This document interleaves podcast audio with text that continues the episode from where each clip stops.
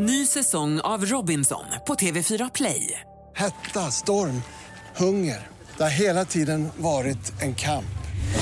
Nu är det blod och tårar. Fan händer just nu. Det. är Detta är inte okej. Robinson 2024, nu fucking kör vi! Streama söndag på TV4 Play. Fotbollsmorgon är äntligen tillbaka med mig Jesper Hoffman, David Hellström och Robin Berglund. Och David, vi inledde ju med att ringa till Rynninge såklart. Äntligen! Han hade saknat oss och vi hade saknat honom. Vi snackade dart, allsvenskan och förbundskaptensrollen. Ja, och det är lite temat idag. Just förbundskaptensrollen eh, Robin. För eh, Olof Lund gästar ju och han är bitsk i kommentarerna till dig. på mig som satan! Och han stryker Ulf Mellberg permanent från listan över potentiella förbundskaptener. Och dansen och jakten på en ny fortsätter ju våren ut. Kanske. Ja, vi får se om det kanske blir Daniel Bäckström. För det är han som leder landslaget nere på Cypern. Och vi får en liten knackig rapport från Cypern just eftersom det är där vi har våra utsända Viktor och Kalle. Ljudet var inte med oss. Nej. Men Allsvenskan Hall of Fame är igång. Och underbart! Vilken bra lista och vilken bra start vi fick på den. Så att eh, det är bara att tune in! Fotbollsmorgon presenteras i samarbete med Oddset. Betting online och i butik. God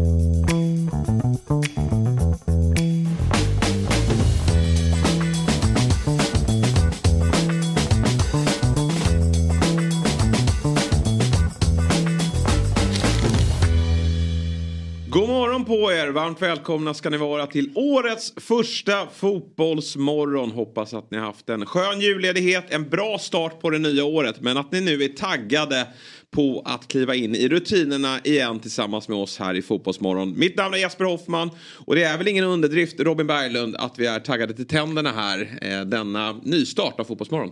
Det- När man satte sig på tunnelbanan i mitt fall då, så var det den här, eh, muskulärt var det, fan nu ska jag jobba. Men i hela huvudet spritter det av eh, pirr, pepp och välbehag bara. Det här ska bli ruskigt kul att dra igång. Verkligen så. Vi har ju världens bästa jobb. Väl, välkommen ska du vara. Tack, tack detsamma. Eh, tack, tack. Eh, och bredvid dig idag så är det inte David Fjell eller eh, Fabian Ahlstrand. Nej. De är ju ute på långresor. De har väl tagit någon månad off och reser jorden runt. Eh, så bra har det vissa helt enkelt. Varsin Eh, kontinent. Tror du de möts någonstans? Jag tror inte det, utan de håller sig nog på avstånd eh, och att de sen gör upp i studion när de möts igen. Och det är inte allt för långt borta. Jag tror att det rör sig om någon vecka. Men en som inte har varit iväg lika långt utan bara rört sig, eh, vad har vi, är det s- 50, 50, mil ja. ja. ner till Kungälv, Göteborg. Har vi vår kära Göteborg David Hellström. God morgon på dig. God morgon, god morgon. Stämmer bra. Hur har eh, julen varit? Den har varit fin, har den varit. Eh, och eh, ja, alltså som, som en jul är, känns det som. För mig. Det har varit samma i 27 år nu, tror jag. Vad är det viktigaste för dig? Vad måste, eh, nu har ju Nu- alla varit likadana då, men Ja, men nu- ut en grej som Ja, det, har, det på. som har hänt är ju att jag har fått liksom brorsbarn. De är nog fan viktigast nu. Ja, så skulle jag säga. Ja. Det är nice. Jag måste liksom befästa min position som favoritfarbror också. Vilket, och där, jag tror Hur att jag, sitter, ja, men jag sitter ganska säker där. Det gäller att liksom leka med dem. Ja. Och var, ja, du vet, ha energi i det. Inte bara, ja ja, nu måste jag göra det. Det är inte Effektivare än bara... man tror att kasta skit på uh, sin motståndare. Alltså den andra... Ja, det, jag har inte gå- gått dit än. Nej, det är fulspel Det är tips mycket lättare än att leka en hel helg. Ah, jag bara just det. skit om dem. Just det. Det är snyggt också att du inte bara kliver på det materiella och köper den dyraste julklappen. Utan att eh, Nej. just lekarna, det är det man vinner Ja. på i, i längden. Det Exakt. är, eh, det är Och skitsnacket. Ja, och så gäller det att vara också, alltså man får gå lite via föräldrarna då också. Alltså Mm. du vet, så att de ser att man faktiskt lägger manken Ja. till. Men du får inte köra för hårt bara för då åker du på uh, barnvaktsuppdragen. Det kanske Ja. du vill men Ja, snart, sitter det, snart sitter en unge på tåget till Stockholm här. Tåget. Och knackar han på dörren här. Eh, och då blir vi alla indragna. Så att du får ligga lite lågt här då. Men, men kul att du har tagit rollen som farbror på, på största allvar. Robin, vad har eh, du sysslat med då? Eh, var i Köpenhamn Ja. och blev eh, vrålsjuk som sig bör när man kliver av ett eh, Det är många arbetsår. som har varit sjuka. Gud ja, så det är verkligen, det, det är samma, jag, jag, jag känner med folk. Men perfekt tips om ni är sjuka, åk till Köpenhamn. Eh, för det var, det var Är det extra bra att vara sjuk? Korta avstånd, det var ingen tung flygresa som slog ut polyperna eller vad det Nej. kan vara som påverkar sånt där.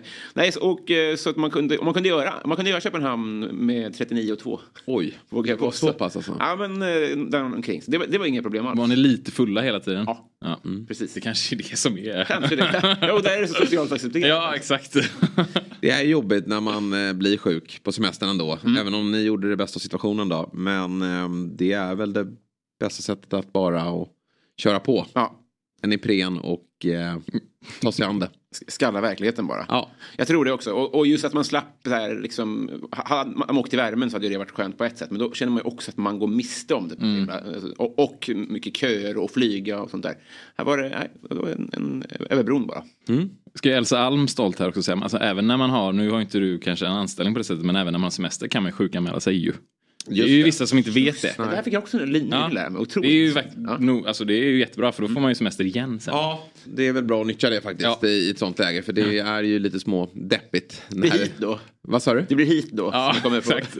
Du får göra det hit, jag skickar väl dig. Ja, men vi är glada att vi är tillbaka frisk och kry eh, till, till dagens första program då. Fotbollsmässigt då? Har det blivit, eh, står ni, lägger ni fotbollen åt sidan under ledigheten eller tar ni in mer än någonsin? Om det är möjligt. Jag såg faktiskt min första Premier League-match på, ja, det, var, det måste vara ett år tror jag.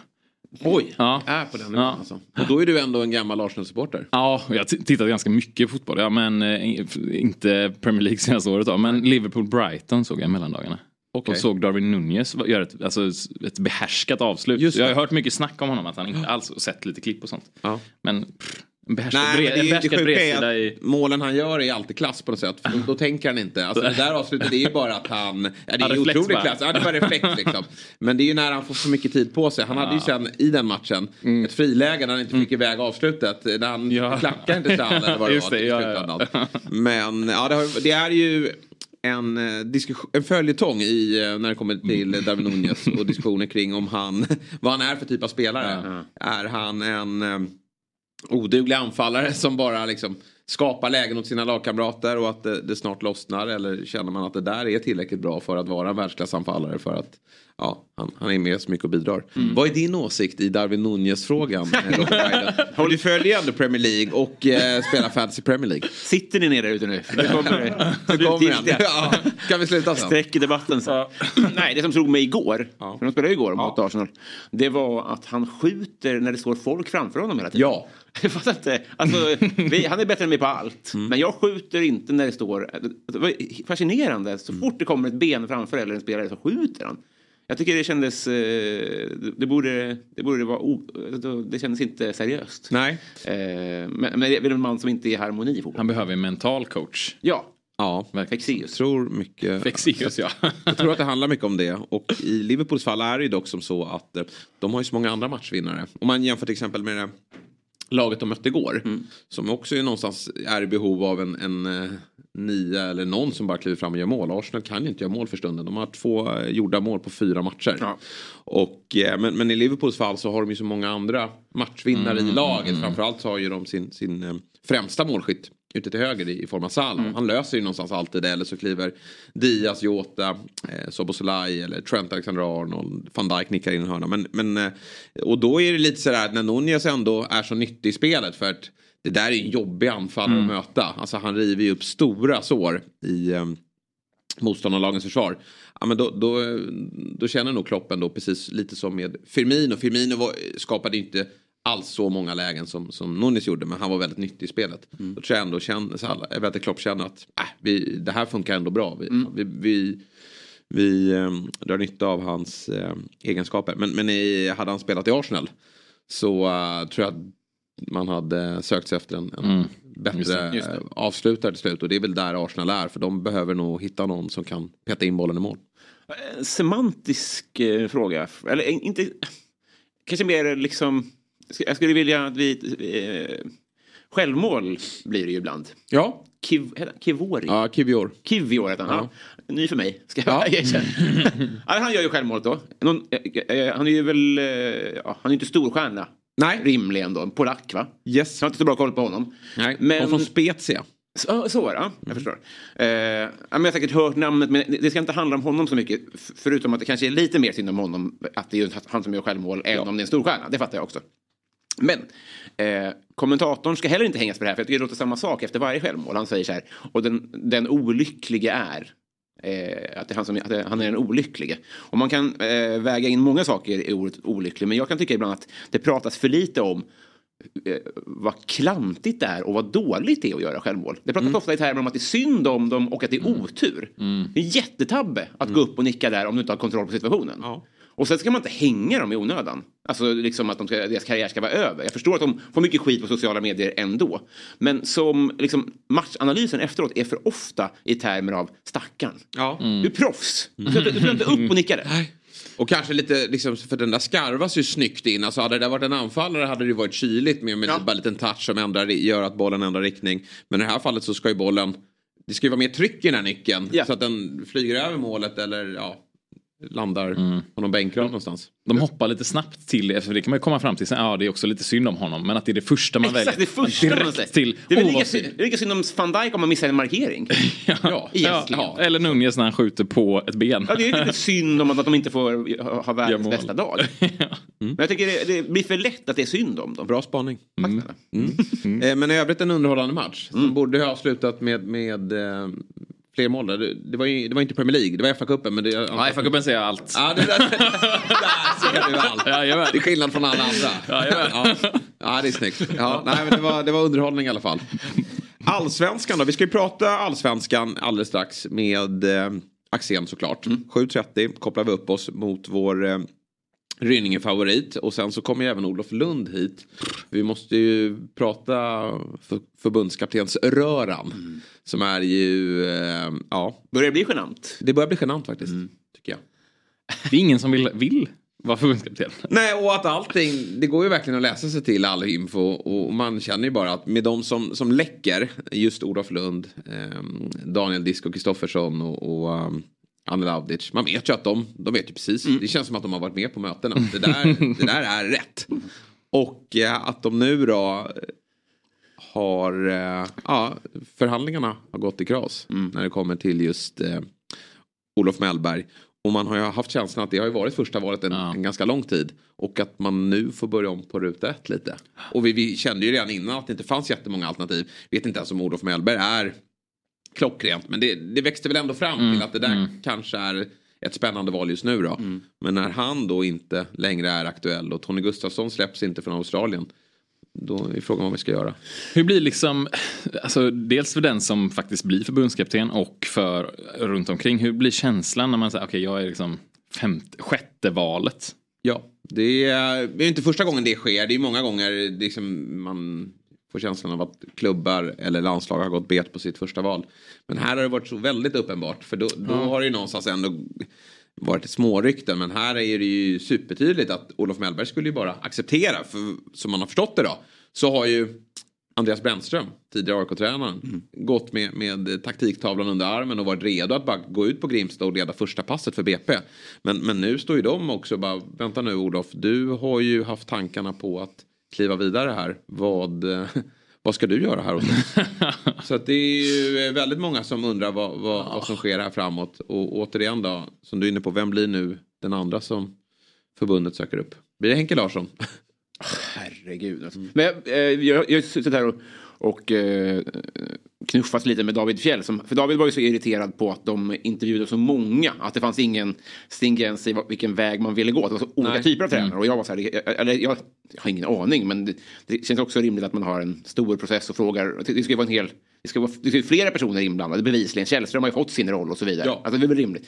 Men å andra sidan, ju fler man intervjuar, ju fler blir ju läckorna. Ja, Och nu känns det som att det är öppna spjäll. Det absolut. känns som att jag, jag, vi får reda på det här före förbundet får reda på att Mellberg har sagt nej, nästan. Eh, Det är sorgligt. Ja, men lite så. De hade nästan kunnat sätta upp en kamera eh, vid, vid nästa förhandling. Så på, på hela. Ja, det är det, också lite jobbigt. För att vi vet ju att Andrea Möllerberg eh, är, är ny på jobbet. Och har ju inte jättemycket erfarenhet av den här typen av roll. Sen har ju hon varit duktig i tidigare roller då, inom förbund och annat. Men, men hon är ny här. Och att det då blir så öppet som du säger, transparent. Och, eh, eh, och det är ju inte medvetet utan det, Det är kan som du inte vara. säger, det vill de ju inte utan det är ju läckor.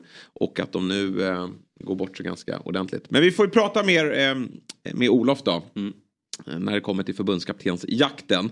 Men allsvenskan, där börjar det ju också röra på sig. Är det någon sådär värvning som ni tycker har stuckit ut under julen? Eller känner ni fortfarande att det är allsvenskan är så långt bort att ni liksom inte taggar igång ännu?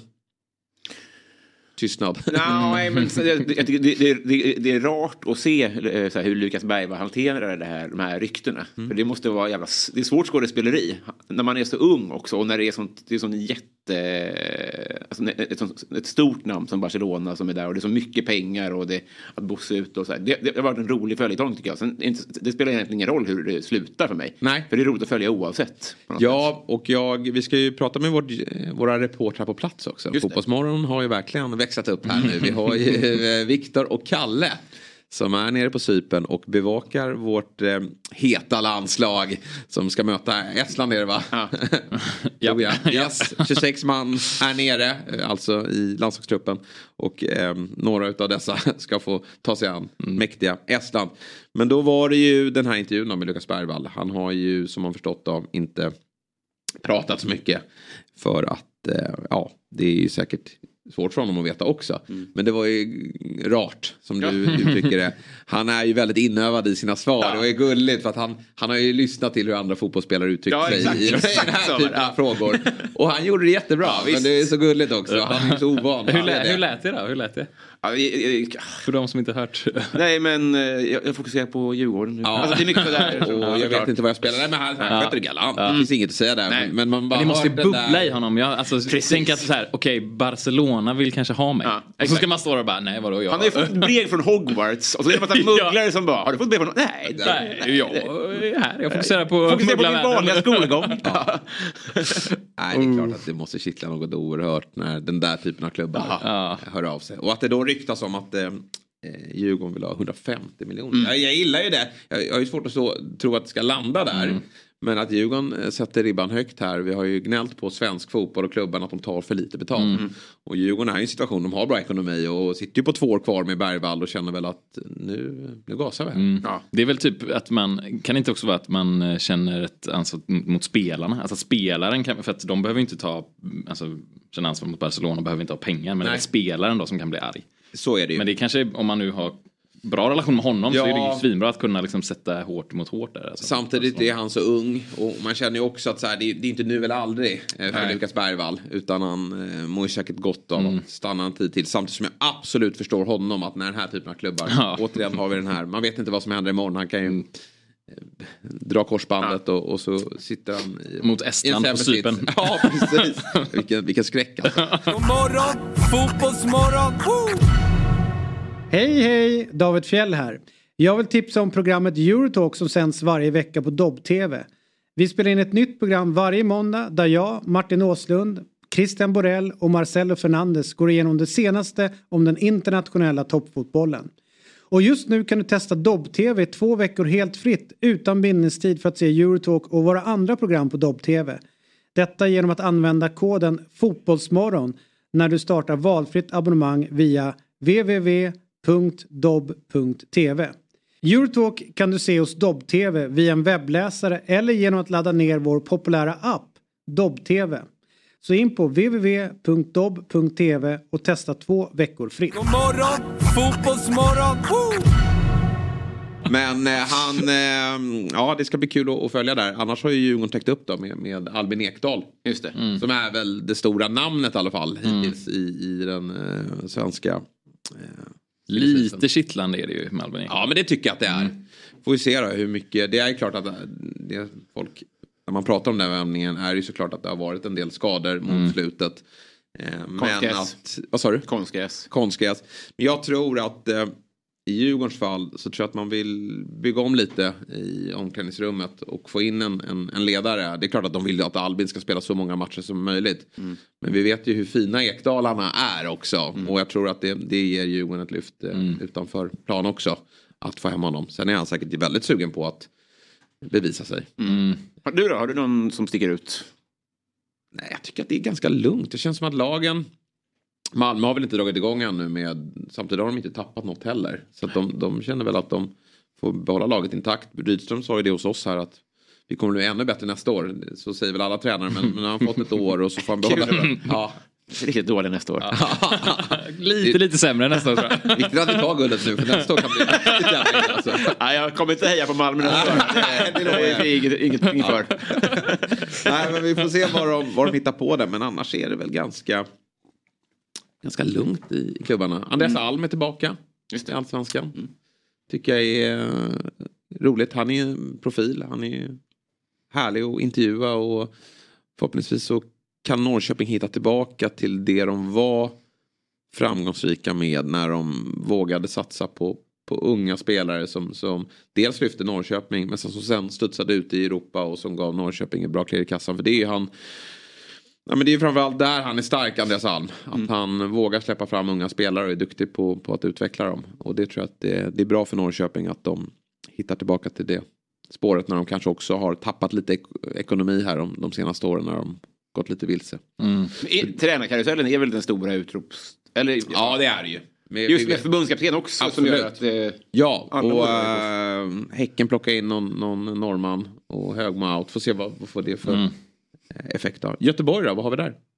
Ja men det är ju den här dansken, Mm. Skellerup. Ja, precis. Som jag inte har så bra koll på. Han, Nej, var, han, gjorde inte, inte ha. han, gjorde, nej, han gjorde inte så många mål förra säsongen vet jag. Han, är- fyra eller något. Ja, väldigt få. Från eh, deras andra liga va? Exakt. Ja, men de Och det är var ju lite framgångsrika där nu i Göteborg Ja, med att de plockade med in Mucolli och och, Santos. Santos. Precis. Och så såg vi att eh, eh, Kalmar lyckades därifrån. Vi hade Sirius som lyckades där. Ja. Det, är, det är lite deppigt att den danska andra ligan, ja. det är liksom där vi...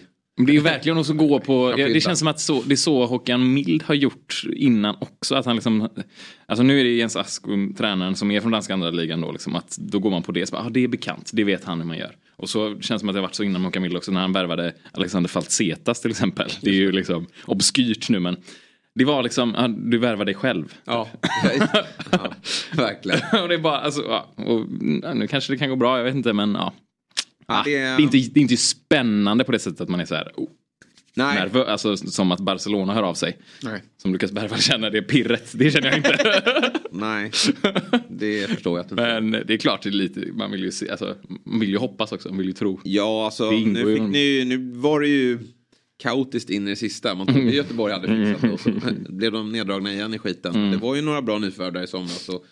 Asko gjorde ju ändå ganska bra. Så Ja. att, eh, kan de bygga vidare på det så ska man väl kanske inte ha skyhöga förhoppningar Nej. på IFK Göteborg. Det är väl mellanskiktet som är liksom, då får man vara nöjd. Lite så. Och, Jag tänkte, eh, gud jag avbröt nu, men Nej. gå tillbaka till landslaget nu. Om man, om man har ett fotbollsquiz om fem år och ska man gå igenom svenska förbundskaptener.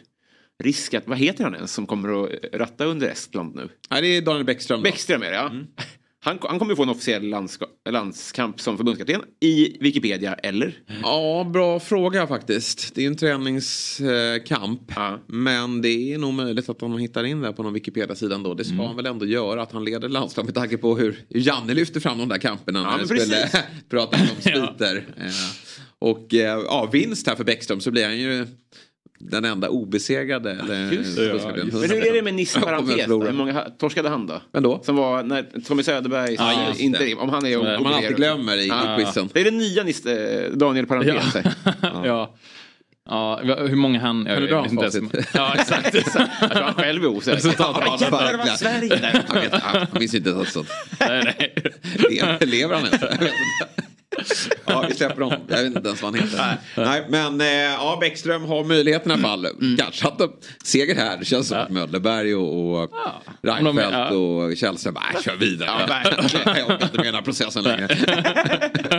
den är för eh, utdragen. Det blir som Ole-Gunnar när de vann mot PSG borta. Precis. Det är livsfarligt att vinna fel matcher. ja, lite, det är deppigt också. PSG borta ändå bra. Visst, Ja, visst, ja, ja. Estland nere på Cypern. Nej, det här är ändå... Fyra proffs i en verkligen. Bra Daniel! Det här är, man får tänka det att det är också Estlands januariturné. Ja, Ja, ja, exakt. exakt. Ja, ja. Jag kan tyvärr inte komma, jag har jobb. Nej, men, skojade jag om det? Alltså, så här, med all respekt, men, men så här, jag såg att landslaget tog ut Henrik Kastegren till slut i, i landslaget. För det var ju många, många nej och, och Ja, mm. på skador och annat. Också ny för mig ska jag erkänna. Precis Ja. som Kivior. Ja. Men det är var i Norrköping, ja. alltså en bra allsvensk spelare. och Sådär. Mm. Men, men det är klart, man hade inte honom i en, i en landslagskontext kanske. Men, men ehm, man, man Kikade ju lite på luren där. Kanske man fick kliva ner någon form av glädjespridande roll med, med, med bra högerböss som man får vika in. Oh, högerback, trevligt. Berglund tittar in efter dobb- efter dobbkuppen. Det är inte otänkbart. Nej. Med de där skorna. Det är ändå rörligt på mig när jag lirar. Ja, jag menar det. Och det är många som har skickat in. Och, och, och um, hur långt ner på listan är Fabian Ahlstrand? När vi, alltså nu, inte som spelare då. men men som förbundskapten. rollen ja. Har han nämnts i, i någon diskussion? Så har vi Ahlstrand där på Fotbollsmorgon. Man, man tänker hur ändå Möllerberg tyckte att, jag vet, minns inte om eh, Fabian var med i det programmet, men hon kollar Ja, ju på oss. det. Mm. Kanske att hon någonstans ändå har känt att det där är kloka idéer och... Hans bästa merit är väl att han har varit med i Norling och Pense. Ja! Och det är ju briljerat. Ja. Exakt, exakt. Och han har pratat länge med Lars Lagerbäck också. det tänker jag är en bra merit. Ja. och hur Lagerbäck liksom tog han lite i, i tröjan när han var på väg ur studion. Han ville prata Mm. mer Mm. med eh, Ahlstrand. Mm. Så, eh, och Norling är ju där och, och hör, hör sig för och um, har en löpande dialog med uh, Fabbe. Vi Vi, kanske får se då. Är han på plats, är han på plats 300? Ja men det skulle jag nog ändå säga att han tar sig in på. Eh, för jag tror det är viktigt. Är Fabbe bra i media? Det är oklart. Han är van att sitta så här. Ja. Eh, Sen vet jag inte hur han skulle sköta sig i, på ett podium. Men, men ja, han är nog kvalar ändå in på, en, på skicklig inom media och det verkar ju vara viktigt. Alltså det, det är också någon gång när, eh, när eh, Therese Strömberg kanske ställer en fråga. Apropå något som har hänt. Ja. Kanske jag frågar om något, något, så här, ni väljer att spela den här träningsmatchen trots att det är krig där borta. Och då har Fabbe bara zonat ut. Mm. Han tittar bara in i en annan vägg. Och bara lyssnar inte den frågan. Tänk på något helt annat. Ja, ja, förlåt. Och det kanske är till hans fördel då. Då får man ett nervöst skratt i publiken. Så går man vidare. Men också att han kan så här helt overkliga resultat. Alltså han kan briljera också på ett eh, podium. Att han drar gamla eh, stories och har koll på den estländska högerbacken för att han har scoutat honom. I, De har supit ihop i. Australien. Du? De har supit ihop i Australien. ja, exakt. Ja, men det skulle kunna vara det. Så att eh, vi, eh, vi får se då. Ja, Vad- vad man det- kanske skulle ha en liten påverkanskampanj. Alltså du vet, så här, försöka smyga in hans namn liksom, eh, hos de här eh, som är ansvariga. Ja. På Vi något kanske ska sätt. ta in en mediatränare som får lära honom, alltså att han får eh, kanske upp från till 270 plats eller något. Mm. Han kommer kanske inte vara första valet. Nej. Nej. Se vad vi kan göra för att, för att Men det kan, För att lyfta det honom. kan, alltså, känslan är då efter Mellberg att det kan, kan bli fler nej här nu från, från Mm. tränare som har klivit vidare. Och att vi då... Varför sa han nej? Vet man det? Eller liksom- Nej, ja, ja vi Alltså, ska vad är prata det? med Olof om det Ja, tänkte jag. mm, mm. Eh, Det är vad, bra. vad det kan vara, vilken orsak det kan vara.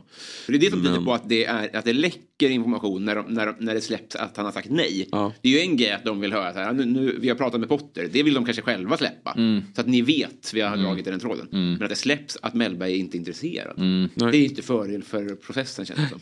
Jag tycker en de borde kolla med nu när det är många har tackat nej. Det är ju Rickard Norling. Då kanske vi får Norling och Ahlstrand. Men eh, det. Lite om vi ska bygga vidare på det Micke Lustig sa när han gästade oss. Ett, ett klipp som har blivit viralt och spridit sig och många tyckte att det var klokt. Det är ju det här med att vi har ett väldigt offensivt landslag. Det är väl där vi har vår, vår spets nu med många skickliga spelare som verkligen den här julen också går starkt. Alltså Viktor Gyökeres levererar, Alexander Isak igång med målskyttet, Kulusevski har ju varit strålande, Elanga gör det ju otroligt bra i, i Nottingham Forest. Så det är jättekul att se. Men att vi då snarare ska sätta de defensiva ramarna eh, och att den offensiven lite sköter sig självt. Eh, för att vi har så skickliga spelare. Och då är det ju Rickard Norling som är kanske landets nummer ett faktiskt eh, när det kommer till det. Nu är han ju i division 1-klubben efter Stockholm då. Men återigen så vimlar det inte av alternativ och många sitter på uppdrag och kanske inte är jättesugna nu.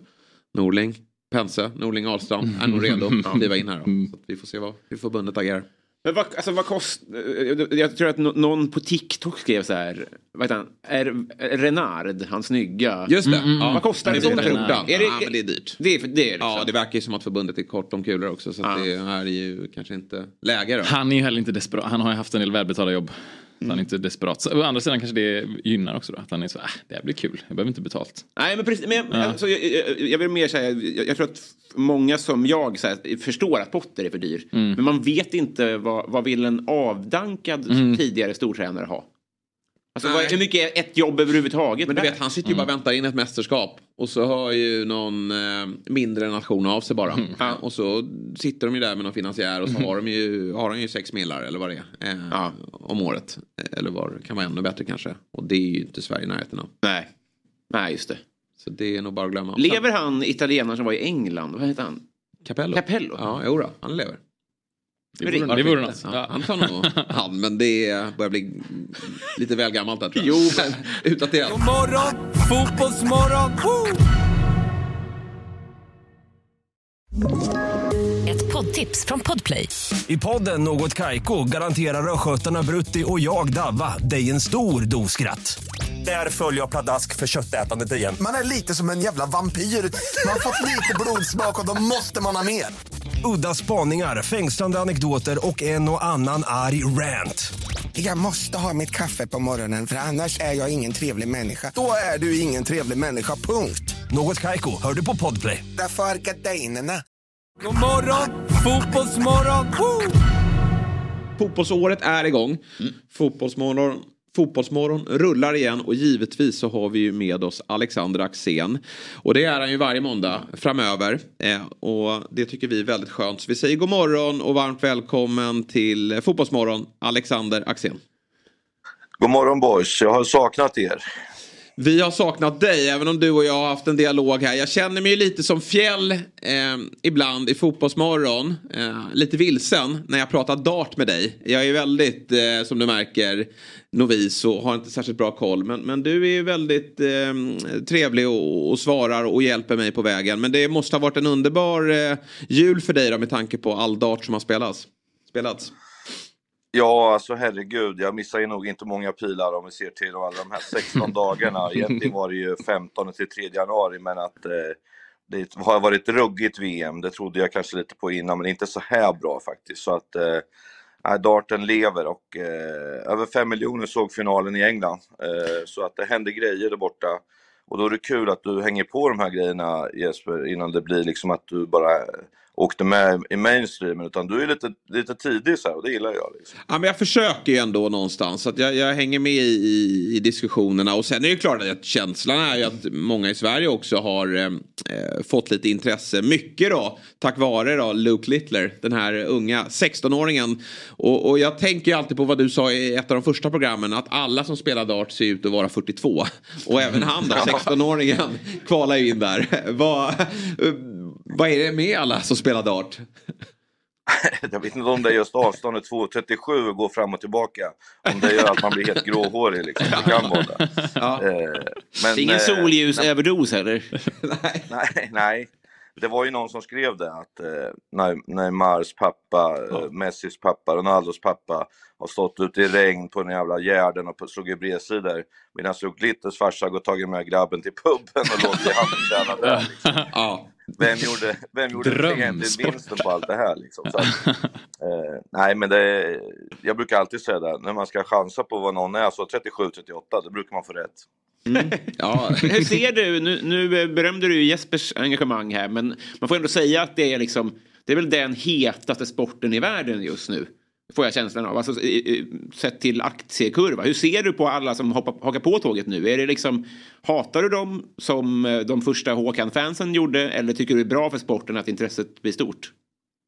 Alltså, man är ju lite delad där såklart, men, men man ska också komma ihåg att det brukar vara så här runt det här VMet för att då har lite folk tid att titta på TV och man har via Play för man kollar på Premier League ibland och så dyker det här upp och så tittar man och sen dör det ut lite. Jag hoppas ju att det inte gör det.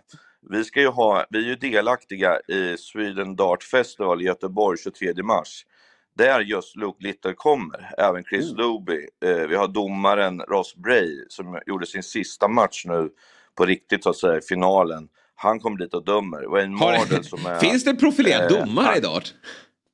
Ja, de är jättekända de fem, sex som åker runt hela tiden. Eh, och sen då Wayne Mardell som är ankaret i Sky Sport, som är gammal kastare, han ska också vara med och kasta. Eh, så att vi fick i uppdraget då, grabbar ni måste se till att det säljs biljetter liksom. Ja, hur många är det ungefär, sa jag då. Ja, tusen vill vi sälja. Och jag tänkte i min vildaste fantasi liksom att det blir tufft, alltså jag kommer få ta i från tårna med lite fotbollsfolk och ja ni vet det där. Men eh, det bara smäller. Alltså det, det är fullständigt haveri, vi har sålt slut för länge sedan. Folk är galna och ringer att de ska ha mer biljetter och nu och allting. Så att eh, just nu så, så brinner det liksom och det är det jag hoppas då att det fortsätter att hänga i. Att folk, framförallt man, får inte, man borde inte få kalla sig för pub om man inte har en darttavla på, på sitt ställe. Eh, men att det åker upp lite överallt och att folk köper tavlor och börjar kasta för det är ju de som tycker det är såklart är mycket roligare att titta. Men eh, det, just nu så då är det ett jävla tryck alltså. Vi snackade ju lite om min jul i Kungälv här i början och eh, ett nytt inslag faktiskt som jag glömde nämna då det är ju att det är Dart Masters Christmas Special. Min kusin har ju en dartförening då i Göteborg. Och där var jag med. Vad heter de då? Dart Masters Göteborg. Okej. Ja. Och då var det, det gick dåligt för mig den här gången men jag har varit med och vunnit en gång faktiskt. En spring double, jag och min brorsa då. Och det skrivs i den gruppchatten om biljetter till Swedish Dart Festival. Så vi kanske kan höra sen så eh, ska vi se om det går att vi fixa ska skicka ner någon representant också. Får se om det blir David eller om det blir... Eh... Alltså Fabbe är ju så fruktansvärt svag. Men- Men det kanske man inte behöver. Det, det kommer inte vara någon, eh, någon tävling där nere antar jag. Vi kommer att ha tävlingar, Ja, men det är jag så, tror att det är bra om Fabbe, inte, om Fabbe är så långt bort från den tävlingen som möjligt egentligen. Ja, Vi hörde att ni började prata om han som Ja. förbundskapten. Då tror jag att fotbollen är nedlagd sedan länge när han började Ja, men vi kan väl ta oss till, till det viktiga då. Eh, och, och, eh, eller det viktiga, darten i all ära. Men, men det är väl ändå fotboll vi ska prata den här morgonen. Och eh, vi tar oss över till förbundskaptenssoppan. Vad har du att säga om, om eh, det här haveriet som det verkar vara ändå? Att Olof Mellberg nu har tackat nej till att bli förbundskapten. Nej, men lite som vi har sagt att det är inte så bra skött. Eh, för går man brett så kommer det alltid bli problem. Och sen, jag har ju alltid haft det som min grej som tränare att man måste vara så professionell att man inte går ut och säger att man har sagt nej. För det är ju att man liksom pissar ner yrket, alltså jobbet och att liksom, hur kul är det när de ringer till dig och säger Jesper, vi vill jättegärna ha dig. Det är åtta innan som man tackar nej. Det är inte så kul liksom. Så jag tycker man borde sköta det lite bättre. Sen ekonomi, om det nu är det som skiljer för Olof Mellberg och fotbollsförbundet så alla vet ju att Svenska fotbollsförbundet betalar alldeles, alldeles för lite mot vad det här jobbet är värt.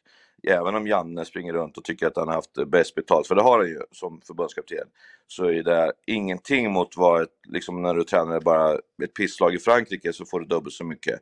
Så det, det blir jättesvårt att få en utländsk tränare till, till ett svenskt landslag, just ekonomin. Det är ju helt omöjligt. Eh, men sen också så att det är många som eh, ja men du vet ju själv, David håller på att jaga den här Petter Wettergren, hela Wettergren hela tiden, att det är Sveriges svar på allting. Han är för smart för att fatta att han, han kommer aldrig bli en huvudtränare, det har jag sagt för länge sedan, det kommer ni ihåg.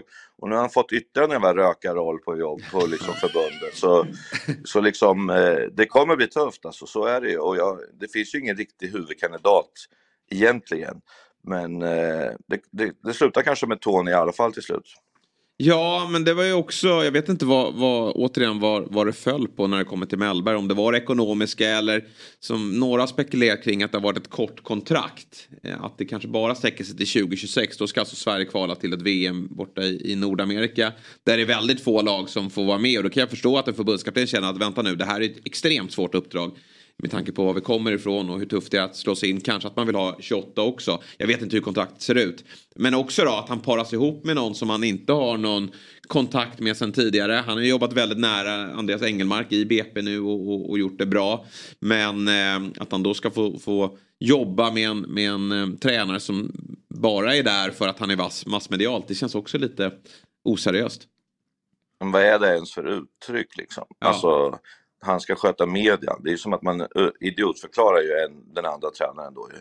Men, men det här att para ihop olika, det där är lite roligt för att så är det egentligen, om du, när jag tänker liksom mina ass, som, så det är ju nästan aldrig så att jag har fått valt det, utan man har ju fått ärvt det bara hela tiden. Och det började med egentligen när Putte Karlsson kom till Djurgården, när han började sätta olika längd på tränarna. Att till exempel huvudtränaren hade två år, så hade assistenten tre år, för det skulle hela tiden över, liksom lappa så att assistenten var kvar längre. Och sen så tyckte han att det var bra att det skavde lite för det är utvecklande miljö typ. Och jag tror att det är många som har hängt, i, hängt kvar i det där. Medan jag tycker att det är helt idiotiskt. Får man inte ha sin, värva sin liksom, eh, assistent själv så är det ju hål i huvudet liksom. Mm. Så är det ju definitivt. Vem tror du blir den som förbundet tar kontakt med härnäst då? Om det inte löser Alltså de det inger ju inte, det, liksom, det inger ju inte pondus direkt så, det kan jag inte säga. Så att jag vet faktiskt inte hur de tänker och, och vad de gör och sen beror det lite på vad som händer med några av tränarna tror jag som vill lite utomlands. Om inte det händer, då kanske det här blir ett alternativ till slut i alla fall. För att det verkar ju inte som de har bråttom heller eftersom kvalet är ju höst. Så att, eh, ja, det, det är jättesvårt att säga för det finns ingen sån här, han måste vi ha eller det skulle vi ha typ så. Eh, men det, är, nej, det finns ingen. Mm. Vi får se om det kanske blir Daniel Bäckström som får förlängt. För det är nämligen han som leder eh, vårt eh, svenska landslag nu under den klassiska januariturnén som är igång nere eh, på Cypern. Vad, vad tycker du om att de samlats, samlas trots att det inte är en eh, förbundskaptenen som, som troligtvis ska leda landslaget framöver utan att det är en interimlösning? Vad, vad tycker du om hela det upplägget? Nej, egentligen inte så mycket för att eh, det är liksom det är en salig blandning av folk som är där nere som har gjort det bra i nordiska länderna. Oftast är det bara allsvenskan som får komma ändå för att de släpper inte i, i, i Danmark till exempel. Men att Inget större negativt om det, mer än att liksom som vanligt egentligen i fotbollen att man inte har klart med det man ska göra sen förrän när det tar slut, då börjar man leta efter någonting istället för att det är klart redan från början. Det är ju inte så att de inte haft tid på sig att ersätta Janne. Eh, och det kom inte, slog inte ner som en, liksom en blixt från klar himmel att de skulle bryta där. Och så ändå är man inte klar. Det är klart att det är inte är bra, men just den här turnén, nej, det är, det är kul för Bäckström. Ja, annars är ju det här en lite så här skräckartad eh, samling för de allsvenska supportrarna. Eller först blir det ett jäkla ramaskri för att supportrarnas spelare inte är med i laget. Varför är inte han där? Och sen när det väl drar igång då är man ju livrädd då för att eh, det ska eh, komma skador på, på, på favoritspelarna. Och det är ju vad som har skett här nu också. Mjällbys målvakt Noel Törnqvist. Jag fick höra att han var på plan i, en minut första träningen eh, innan han drog baksidan. Och igår då så kunde Fotbollsmorgon leverera en bild på AIKs otroligt viktiga mittfältare Anton Saletros med ett eh, lindat knä med lite is på. Du, eh, hur, hur, hur tänkte man som tränare under den här tidpunkten när det skickade spelare ner till januariturnén? Ja, på min tid så fick vi vara där ibland. Alltså vi kom ju dit, eh, alla tränare, och hade en sån här lite uppsamlingsgrej och umgicks Suparresa. och pratade fotboll och sådär. Alltså det var ju super, superbra och supertrevligt. Jag kommer aldrig glömma när det är liksom olika då antal spelare man har kan man säga. Och en gång så kom ju då Hasse Eklund in sist då för att alla så här, nu måste vi åka, alla måste in och så här, du vet. Och så kom han in sist och så här, fan jag hann inte prata med alla sa han, så satt han här, du vet, de hade inte en människa från Falkenberg där liksom, så det var ju ett jävla roligt skämt faktiskt. Nej men man var ju livrädd där det. Sen har ju alla förberett sig på ett bättre sätt nu än de var förr. Jag har ju dragit historien med Nordin Gerzik när han hade gått upp 6 kilo och åkte dit och ska göra jojo-test och han höll på att få syrgas i två dagar typ. Jag trodde vi skulle träna upp oss där, sa han. Det var hans ingång på det. Liksom. Så att det är lite olika. Eh, men det är klart att det inte det är inte bra med baksidor och, och sådana här saker så här tidigt. För det, det, det blir ju inte riktigt bra start sådär. Så att det är lite blandat såklart. Men det är ju mest bra för spelaren att man får liksom en uppmuntran på att man har gjort någonting bra. Och jag tror att man får ett sug inför säsongen att man ändå syns så att man kan fortsätta utvecklas. Liksom. Mm. Och sug på säsongen, det börjar man ju faktiskt få nu när eh, de allsvenska klubbarna den här veckan då drar igång med sin verksamhet. Och det är ju verkligen inte som förr när man eh, hade tre, fyra månader framför sig av eh, försäsongsträning och, och deppiga matcher. Utan kuppen drar igång här i, i, i mitten på februari. Har du börjat känna suget eller känner du att det är fortfarande för tidigt?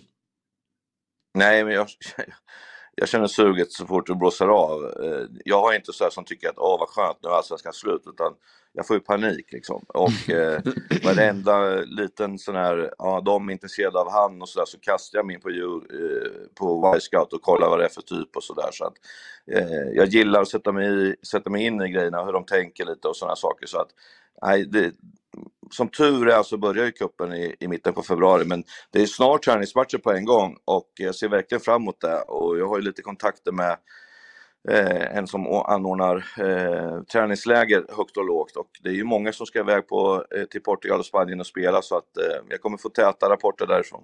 Mm, bra, de vill vi ha här i Fotbollsmorgon. Om vi tittar till silly season då. Tycker du att det är en lugn sådan eller är det tillräcklig aktivitet? Är samlad skulle jag säga. Och att man vet att januarifönstret är ju Europas fönster och det, då är inte många intresserade av oss utan man säger vill komma till Sverige liksom så här, ah, vi avvaktar lite. Sen när fönstret börjar stänga i januari då får man ju alltså du vet 50 eh, spelare om dagen som agenter ringer på sådär. Så att, eh, är det inte något liksom precis du vill ha och du går på tufft så, så är, det, är det liksom lite bra att vara lite kall nu. För det kommer dyka upp spel, bra spelare och det kommer dyka upp spelare som är, inte har någonting att välja på så det behöver inte bli så dyrt heller. Så att, eh, jag, jag tycker de eh, agerar ganska klokt faktiskt, klubbarna. Ja, eh, om vi går igenom eh, storklubbarna och börjar med svenska mästarna Malmö FF. Händer ju inte jättemycket förutom då att man har förstärkt målvaktspositionen. Ehm, eh, Rydström fortsätter att plocka eh, spelare från sitt gamla lag. Alltså Nanasi, han var ju på lån i Kalmar. Oliver Berg kom i somras. Och nu kommer Ricardo Friedrich här också, målvakten. Vad eh, säger du om den värvningen? Går han rätt in här nu? Får Dalin kliva åt sidan? Nej, det tror jag inte. Dalin är fortfarande bäst och stabil och sådär, men han kommer känna ett, ett, att han är jagad. Och sen kanske man väljer då att ha Europaspelet och sådär, att man kanske väljer en målvakt där som man lite modernt gör ute i Europa. Så att det kommer nog vara lite från match till match kan jag tänka mig också. Eh, sen att de ska köpa Jesper, de har ju köpt en 16-18 spelare redan så det, det är svårt att, att ta in ytterligare innan man har fått bort spelare också tror jag. Så att de ligger också nu och väntar och ligger ganska bra till skulle jag säga ändå i, i sin trupp. Men de, de, de, det har inte hänt så mycket, det, tror jag, det är lite, det får du tänka om om du säger så. Ja, jo, nej, det är klart att det har varit en, en viss aktivitet under året som har varit. Då. Men Nanasi då är en av spelarna som, som nämns när det kommer till ut. Tror du han lämnar här i januari? Alltså, jag gillar honom jättemycket. Det är så, jättebra spelare i Allsvenskan och sådär. Men jag, liksom, han är ändå en typ som, som finns överallt skulle jag säga. Och det är klart att Malmö vill ha mycket pengar från honom för att han betyder mycket i Allsvenskan. Han har gjort det jättebra. Jag är inte så säker på att, att lag tycker att det är så bra som Malmö vill ha betalt. Så att jag tror att det, det är lite klurigt vad, vilket pris. Men eh, för hans skull så skulle jag verkligen hoppas att han kommer ut och får känna på det lite för att ta nästa steg. Men, eh, men eh, som sagt, Malmö sitter inte i sjön och, och liksom, får de inte rätt bud så kommer de inte sälja. Men jag tror inte att de får så mycket som de vill. Nej, Taali och Nanasi på varsin kant även nästa år skulle det kunna bli och då, då känns det som att Malmö FF blir hyperfarliga. Om vi går till Djurgården då.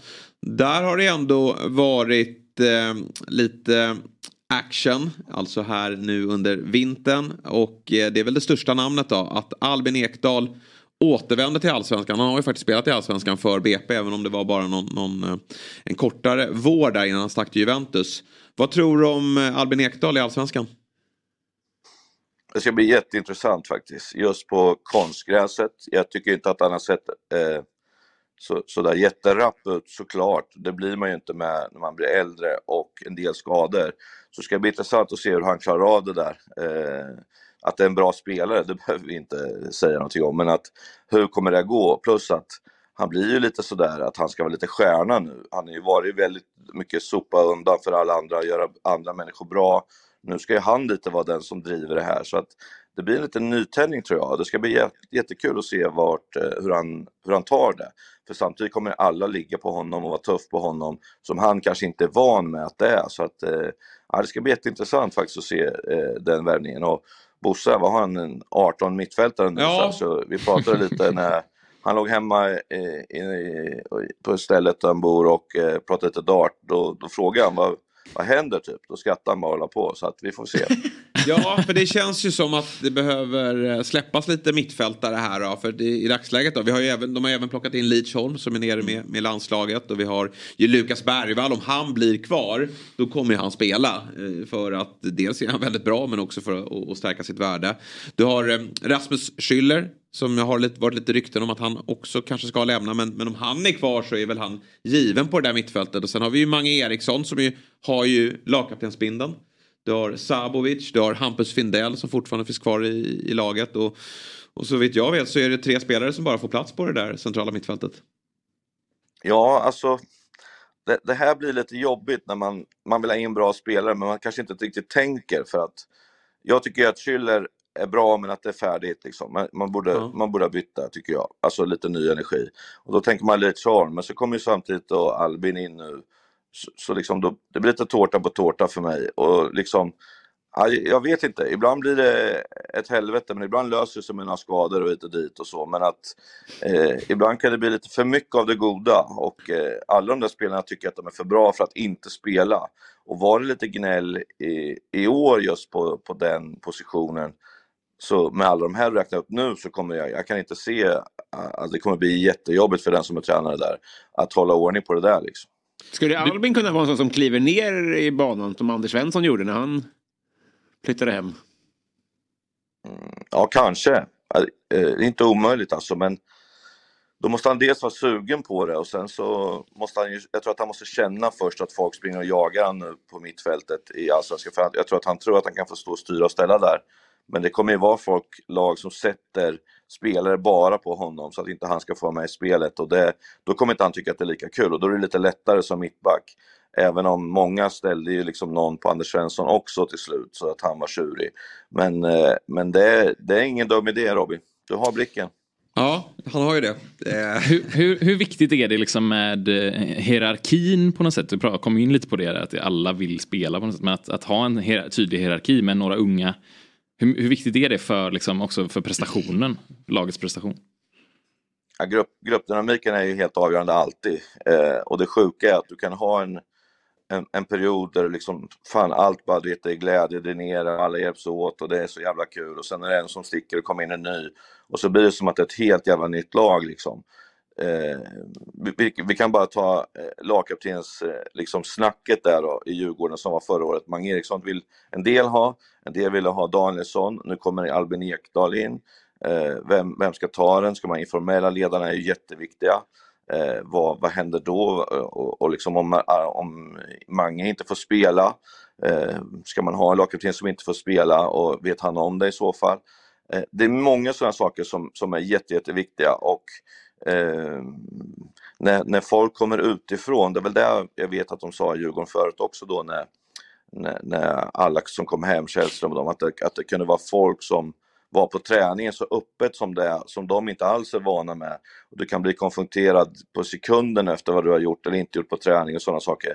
Det är många saker som påverkar det här och trycket utifrån och de intervjuar en person hela tiden och sådär liksom. Så att gruppdynamiken i ett fotbollslag är ruggigt underskattad för de som inte liksom är nära det. De som är i det vet att det är helt avgörande och jag har sagt det förut att materialen i Allsvenskan är eh, nästan en av de viktigaste rollerna som finns alltså för att eh, de är med i det hela tiden och kan direkt känna av hur den här säsongen kommer gå.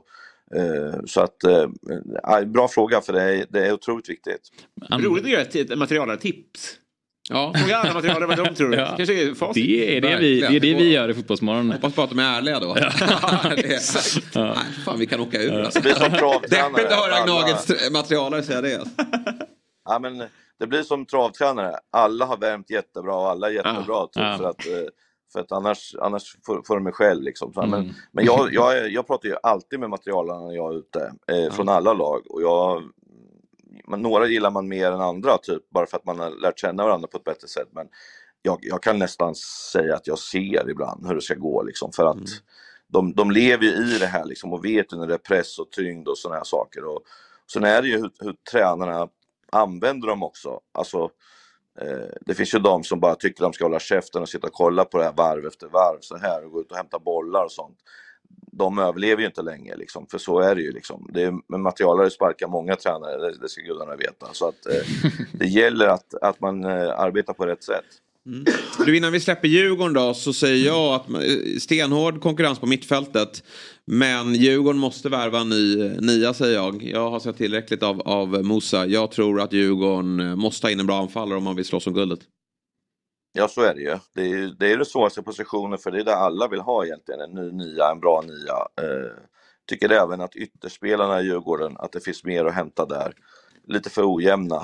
Eh, när de har sina dagar så är de ju hur bra som helst, men, men frågan är ju liksom, vad finns det mer för utveckling där? Och sen Radetinac som alltid spelar sen, för att han gör det Kim och Tolle vill och han, han är så pass bra.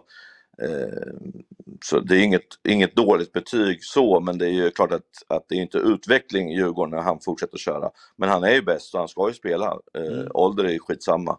Men, men jag säger att också yttrar behöver fixas till. Så det är väl de tre överstar man behöver jobba på. Ja, Hammarby då. Kim Hellberg är klar. Det har vi pratat mycket om och det är ju spännande. Händer inte jättemycket i själva truppen då. Men Erabi, han har ju valt att förlänga och det är väl den eh, bästa nyheten alla Hammarbyare kunde få här under julen.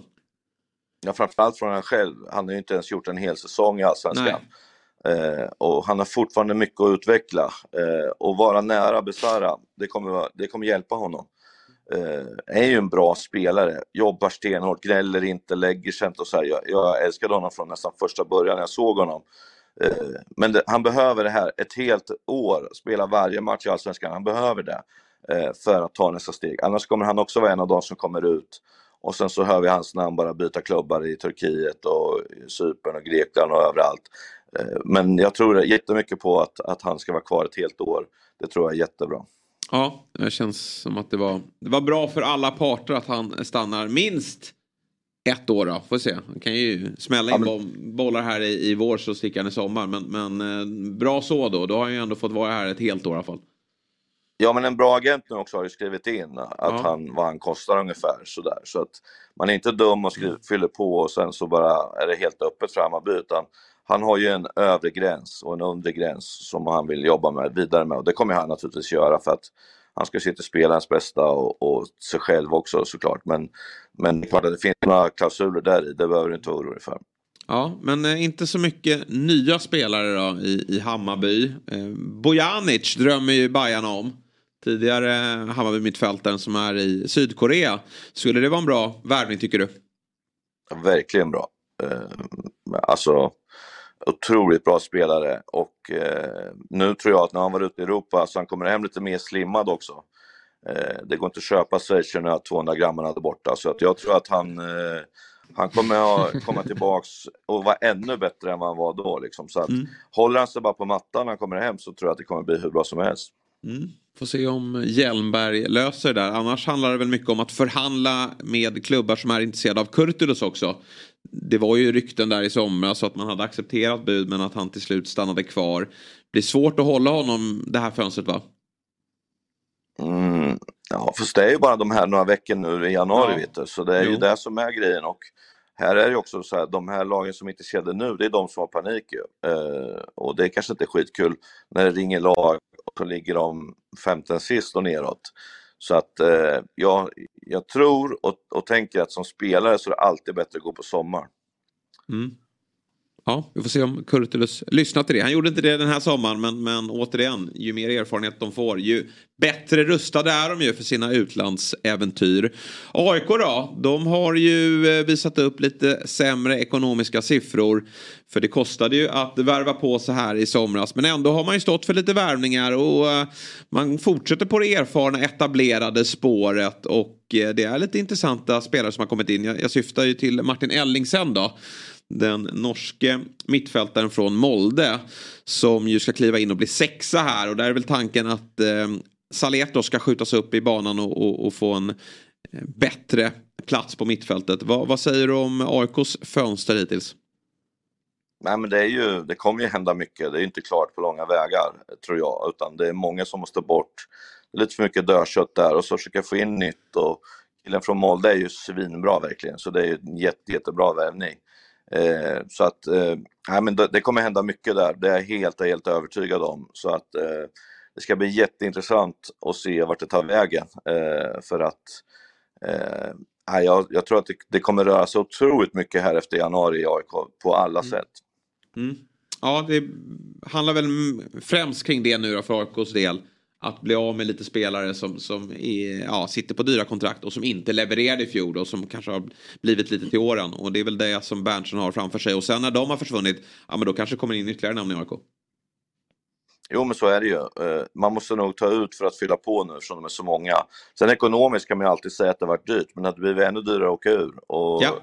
hade man inte gjort de här nyförvärven så hade man åkt ut. Så att eh, eh det beror på hur man räknar det där. Eh, men eh, Ja, jag, jag, tror att det kommer hända mycket i AIK. Jag tror att eh, ja, det verkar ju vara en otrolig energi supportermässigt också när det liksom säljs årskort som aldrig förr och grejer efter en sån säsong och efter allt rörigt som har varit. Så att, ja, det är otroligt ibland egentligen att eh, efter dåliga saker så, så blir man starkare än någonsin. Jag tänker på guys också.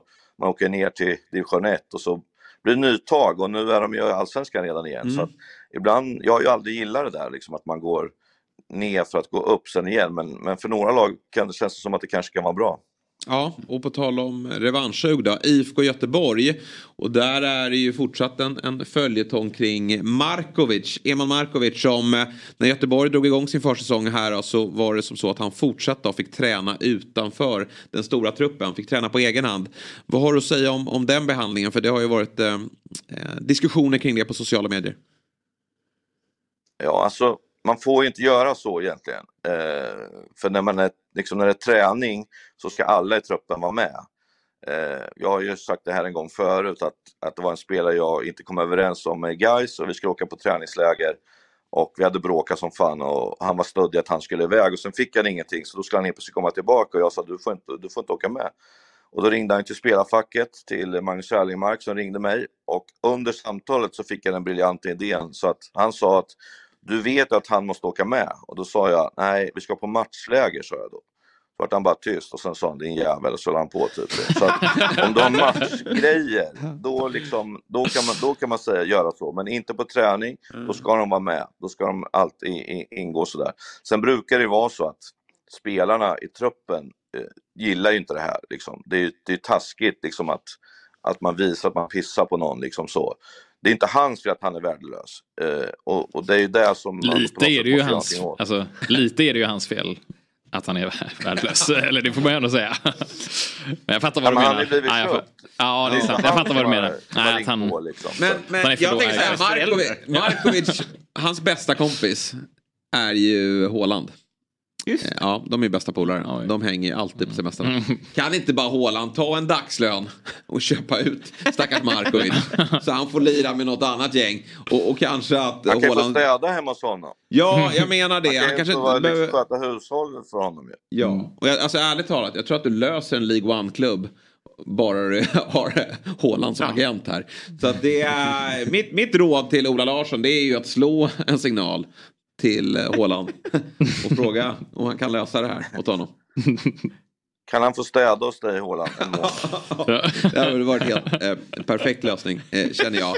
Men annars så är det ju eh, då som vi har pratat om. Och sen Oskar eh, Pettersson. Det blev ju klart eh, innan vi tog paus här i Fotbollsmorgon. Men Oskar Pettersson borde väl kunna bli ganska fin där i Göteborg. Jag hörde redan att han var på väg i somras och var lite förvånad att han varit kvar. Samtidigt Ja. så förstår jag ju VP som det blev också så var det ju smart att ha kvar honom. Men jag trodde redan att det skulle bli, att de skulle få lite pengar för honom i alla fall. Eh, passar väldigt, väldigt bra i IFK Göteborg. Det där är ett jättebra nyförvärv. Det kommer bli jättebra. Jag vet inte om spelbolagen har släppt det ännu. Men eh, det vore ju ett litet intressant spel. När ryker Axén ihop med eh, Andreas Alm i Discovery-studion? Vad har du själv för eh, tankar där? Ja, men vi, vi har bra respekt för varandra, typ så. Men han lurade mig en gång så jag, jag fick ta i nästa gång. Så kan man säga. Det är en smart Okej. jävel det där. Ja, det är det.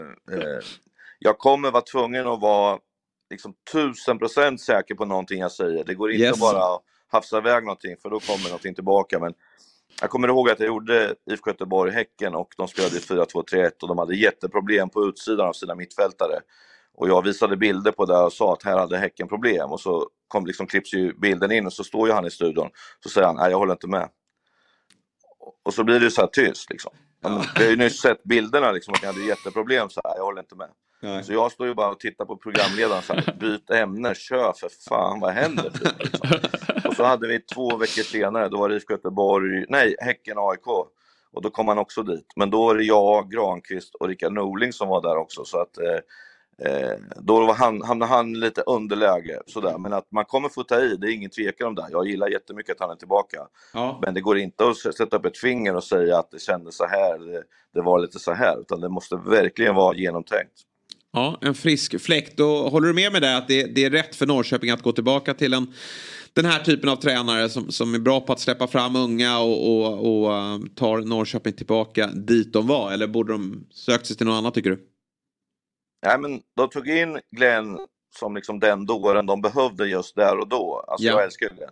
Men han, är, han tar ju inga fångar och skällde Nej. ut ja, allt från städare till vad fan som helst runt Norrköping. Någon som bara gick förbi fick en utskällning för någonting. Men, men jag tror att de behövde det då, Norrköping. Alltså de behövde någon som kom in och ställde krav.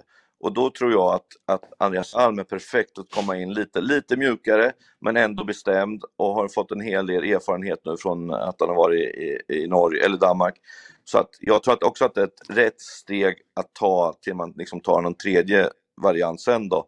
Sen tycker jag att Glenn var bra att jobba med unga också men, men det är klart att Andreas Alms record på det är ju svårt att slå på fingrarna liksom. Och han har också varit i Norrköping, jag tror att man får liksom lite längre startsträcka då. Så att eh, jag tror att det där var jättebra gjort av Tonna.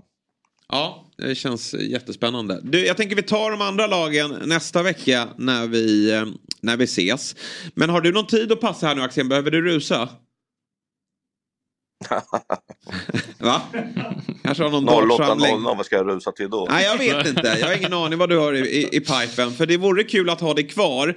För nu har vi pratat lite om nutid. Men det är ju som så att Allsvenskan fyller ju 100 år i år.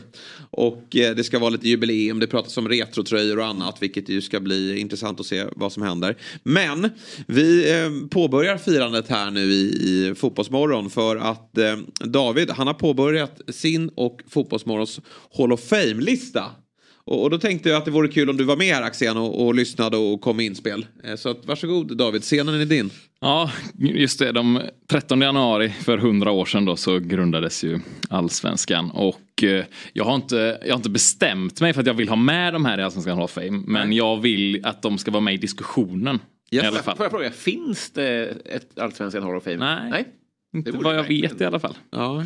Det borde ju verkligen finnas tycker jag med. Så att man, det finns ju en svensk fotbolls Hall of Fame men då är det liksom svenska fotbollsspelare eller personligheter då som, eh, ja. I allsvenskan finns det ju även andra nationaliteter ju. Ja. Eh, och eh, ja men då har jag med mig tre spelare här idag för att liksom bara värma upp och sen så kanske det är så att någon annan, jag kommer be någon annan ta med sig någon annan gång när jag är med och sådär så vi, man får liksom ja, Då bygga får på det lite. eh, studsa på dem. Exakt, namnen. och det finns det är hyfsat olika motiveringar. Det Ja. måste inte vara att man har varit bäst liksom, spelmässigt. Så först ut så är Jan Tauer. Mm. För att han eh, fick ut maximalt av sin karriär med tanke på kapaciteten han besitter. Då. Mm. Är det helt otroligt att han spelade i Allsvenskan? Och då var han ändå värdelös. Jag menar det att så- liksom den kapaciteten och den potentialen och ändå lyckas han eh, spela i Allsvenskan. Alltså det, Mm. det är ju värt något i sig. Eh, han kanske skulle spela till division 4 eller? Ja, kanske. Hur, hur dålig var Tauer? Alex? Alltså grejen är så här. Sigge Jonsson var ju tränare då, jag känner Sigge, så när Sigge skrev på för Djurgården så kom han till Örebro och ville diskutera om han skulle ta det eller inte och sen tog han det. Och så gjorde jag en tränarutbildning uppe på Bosön och så hade de träning så jag gick ner och skulle prata med Sigge. Då sitter den här killen med stentvättade jeans, smalt bälte, skinnjacka med fransar och det där långa håret. Och så sa jag, vad i helvete är det här för någonting? Ja, det är Janne Tauer, vänsterback. Han är hur bra som helst, sa Sigge. Så redan då fick jag ju upp ögonen för honom. Sen är ju han jävligt dartintresserad ska ni veta. Han kastar Jaså, mycket oj. dart och är duktig. Ja. Eh, men, men det var väl mer karaktär än att det var briljans på planen, så kan man väl säga. Och, eh, han hade väl lite, lite tufft mot, mot Tumba en gång va? När han Ja, hittade på varenda sjukdom som fanns och klev av liksom. Så att, men det var ju mer karaktären. Jag gillar ditt tänk där för att eh, det är ändå karaktär. Ja. Eh, att, att Verkligen. han liksom är en kultspelare. Han är en Mm. kultspelare fast han inte... Det var inte så att vi gav han femmer varenda match liksom. nej. Nej. Det- Tauer, Tauer, Beckenbauer sjöng väl Djurgårdssportrarna. Och kan ha varit en av de första, jag vet inte om hur många tyskar vi haft i Allsvenskan, men det var ju också en sån här nationalitet vi, det har inte vimlat av tyskar i, i Det haglar in Nej, bra spaning. Bra. Ja, det haglar in Bra motiveringar. Det är spaning. inte, inte nog med den med Ja, given, utan given. Darten och stilen. Och, Vi är kollegor, eh, jag och eh, Ja. Jan nu faktiskt. Jaså? är han stand-up kom komiker? Nej, nej, men han är ju också programledare för Primetime, den här. Just det. Så vi, ja, jag, ska, jag, ska, jag ska överlämna den här motiveringen till honom. Bra. Än så länge är det den Hur dålig var du? Han får svara på det. Fortsätt Eh, David. ja, och det finns ju en fantastisk sekvens också där han försöker ta bollen av Tobias Hysén på påskafton 2009 där, 6-0 matchen. Just det. Så man kan youtuba, det är fantastiskt att se det brytningsförsöket. Eh, ja, vidare då, Robin Söder. För att han fick ut minimalt av sin karriär med tanke på kapaciteten och framförallt potentialen då som han besatt. I U21-EM 2009 så så var han med i semifinalen som spelades i Göteborg. Sverige mot England. Joe Hart, Walcott och Milner var med i engelska truppen. Berg, Toivonen och Söder då spelar för Sverige. Och eh, i förlängningen där, Sverige hämtar upp 0-3 till 3-3. Två mål av Berg bland annat. Så får han ju en smäll på korsbandet. En andra smäll för matchen. Och fortsätter. Fortsätter. Jörgen Lennartsson vill inte ta av honom. Eh, Och eh, sen blir han sig aldrig lik igen. Och han, eh, han gjorde ju succé liksom som 17-åring i Allsvenskan. Alexander Isak motsvarighet på något sätt. Och sen, ja. Så dog La av typ ganska nyligen, 30 år gammal. Ja, 31 eller något Ja. ja. Exakt. För, förra säsongen, inför förra säsongen tror jag det var. Eh, exakt, och så det är liksom mot, tvärtom Ja, mot Jan ja. Tauer då. Liksom. Han hade kunnat, han spelade ju i Danmark och i Belgien och Blåvitt. Men det hade kunnat bli mycket, mycket mer. Håller du med, Alec? Ja, verkligen. En otroligt, otroligt bra spelare och haveriet i u landslaget där, alltså jag var på plats också på den matchen. Jag vet fan inte vad de tänkte på, alltså att de lät han vara på planen, alltså helt otroligt. Och en engelsman blir också utvisad, ändå ska han gå omkring där liksom. Sen, det, det, vi kommer ju aldrig få reda på om det var exakt det som var då, men det är klart att det inte var positivt att fortsätta vara på planen utan korsband. Liksom. Så att, jag tycker synd om honom. Jag tycker synd om att han inte fick ut sin, sin, sin stora potential. För att otroligt bra spelare, men också ruggigt ödmjuk. Jag faktiskt eh, pratade med honom lite så här bara för några, något halvår sedan. Bland de första gångerna sådär. Otroligt bra kille också. Liksom. Eh, så att, äh, tråkigt. Återigen, bra gjort. Eh, ta upp honom tycker jag. Vad gör han nu? Vet vi det? tror han är scout va? Och, och DIF Göteborg. Ja, han skulle vara en riktig scout. Alltså sånt som hjälpte över gatan. Han satt med sen fotbollen glasögon och lös mustasch, Robin, när jag såg honom. Hål i tidningen också. Ja. jag minns ju, jag, jag håller på Blåvitt, jag minns verkligen när han slog, alltså det var, vad, håller ni med om, om alltså, jag, att det är lite likt Isak? Alltså, jo, när han, absolut. också hur han var så graciös på något sätt, liksom allt var så enkelt och smidigt. Ja, Typ. nej, men de hade de här eh, häftiga anfallsegenskaperna. Bra djupled, bra avslut. Eh, var ju ganska, och då kände man att han var ganska tunn i kroppen också. När han slog igenom så skulle han få bygga på det lite så skulle det kunna bli riktigt bra. Så att, smådeppigt faktiskt. Ja. Minns ni vad som, nu har vi något här. eh, Ja, just Jan Janne Tauer levererar från Dart-VM här ja. En svensk har snart match i världens finaste VM i darts. Och jag läser ingenting om det. Skärpning nu. Ja. Det var, Han får följa Axén men som inte har sociala medier. Nej, just det. Minns, minns ni vad som hände i straffläggningen som följer här då i semifinalen där? Eh, det har blivit torsk vet jag ju. Ja, Joe Hart räcker ut tungan när han står på, på mållinjen. Det minns jag att jag blev provocerad av. Och sätter en straff också. Ja, det gör han ju. Det, det finns en sån karma i att det sket sig för honom tycker jag. Ja. Alltså, som man har stört sig på den Ja. jäveln. Alltså skönt att han hamnar i Celtic. Väl, och han kommer aldrig vara nära allsvenskan Hall of Fame kan jag säga. Nej, det tror jag inte. Nej. Även om det skulle kunna vara sån här värvning som AIK plockar hem. 39 år gammal. Urusel. Då hoppar jag av kanske. På mitt AIK-tåg. Ja. Skönt. Åh nej! Ja, verkligen. För alla inblandade. Vi tappar Robin där.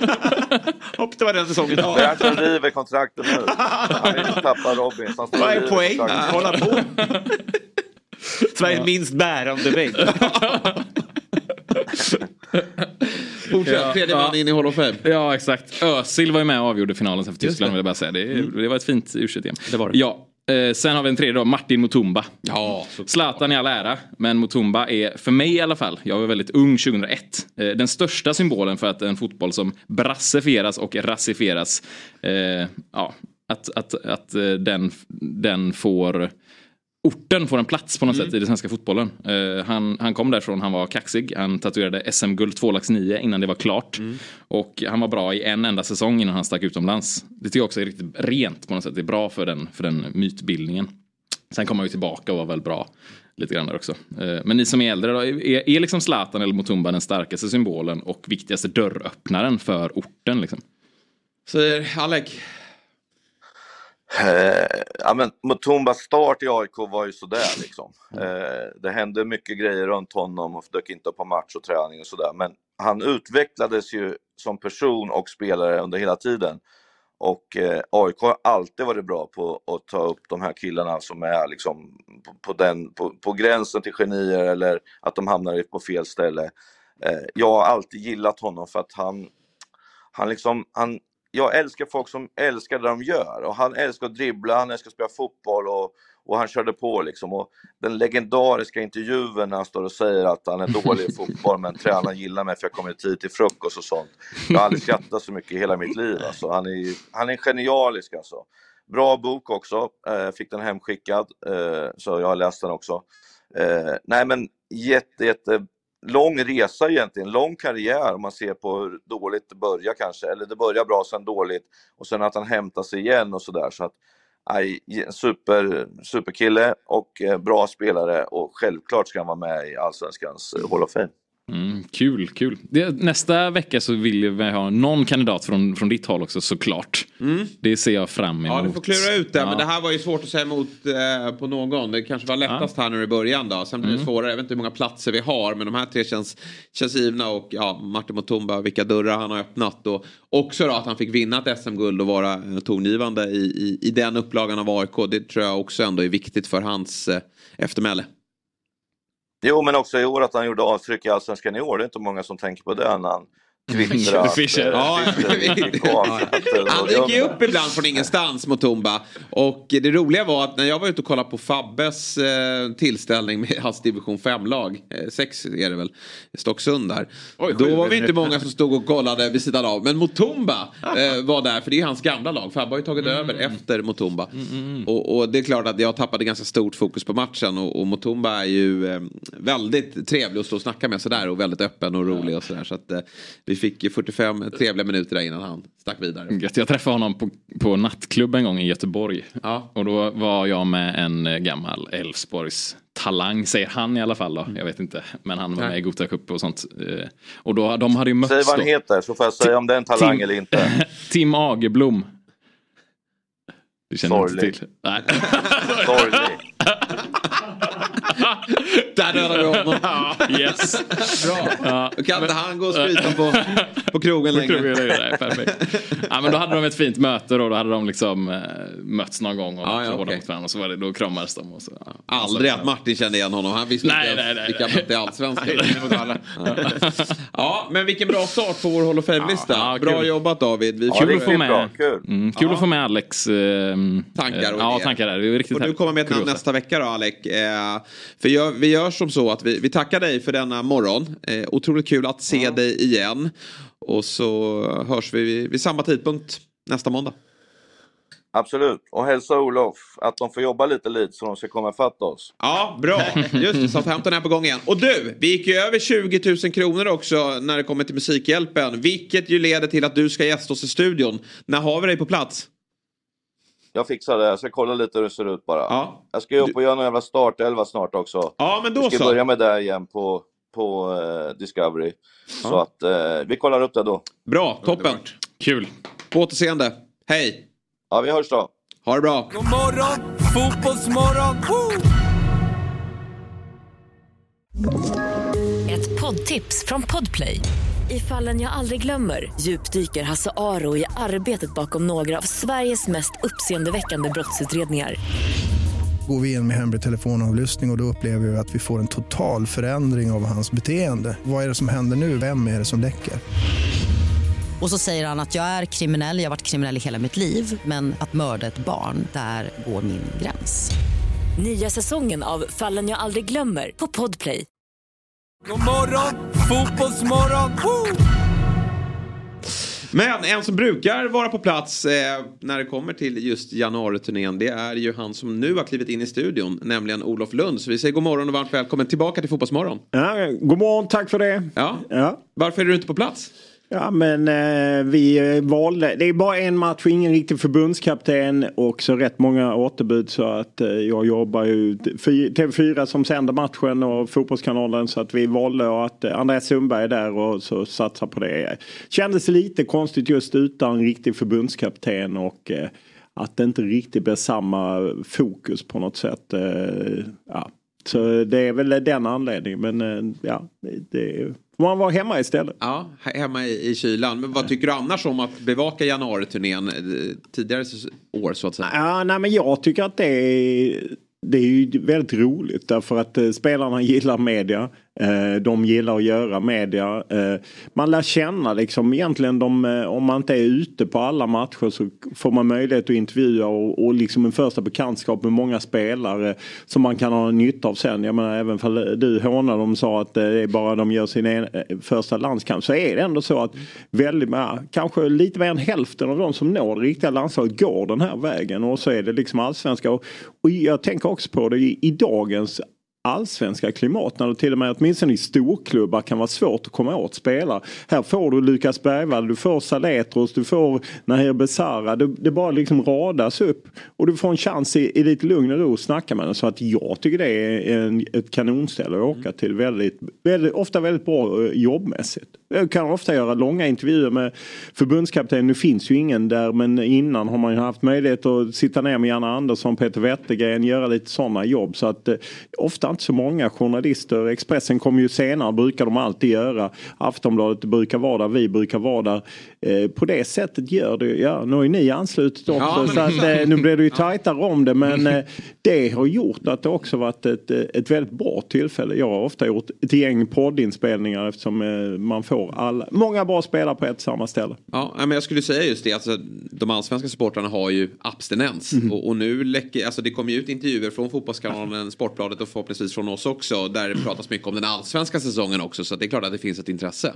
Ja, nej, men det, och det, ofta är det ju spelare, nu fick ju inte Roni Badaji och, och eh, Jordan Larsson åka med vilket ju var synd. Men det kan ju vara en del sådana spelare också som dyker upp och det är ju alltid lite spelare. Men Nanasi, Bergvall, det är ju några av allsvenskans allra bästa och heta spelare. En del kanske kan vara tänkbara att flytta under antingen våren eller sommaren. Och, ja, men man får möjlighet att intervjua dem. Så att, eh, det är, och sen får man ju se dem på nära håll. Tycker du det är rätt av förbundet att åka ner trots att man inte har en förbundskapten på plats? Ja, Jag, jag förstår ju deras tankar och det är mycket u spelare och att man gillar ju det här att man har ju ett beprövat, jag menar det här har hållit på sedan slutet av 80-talet.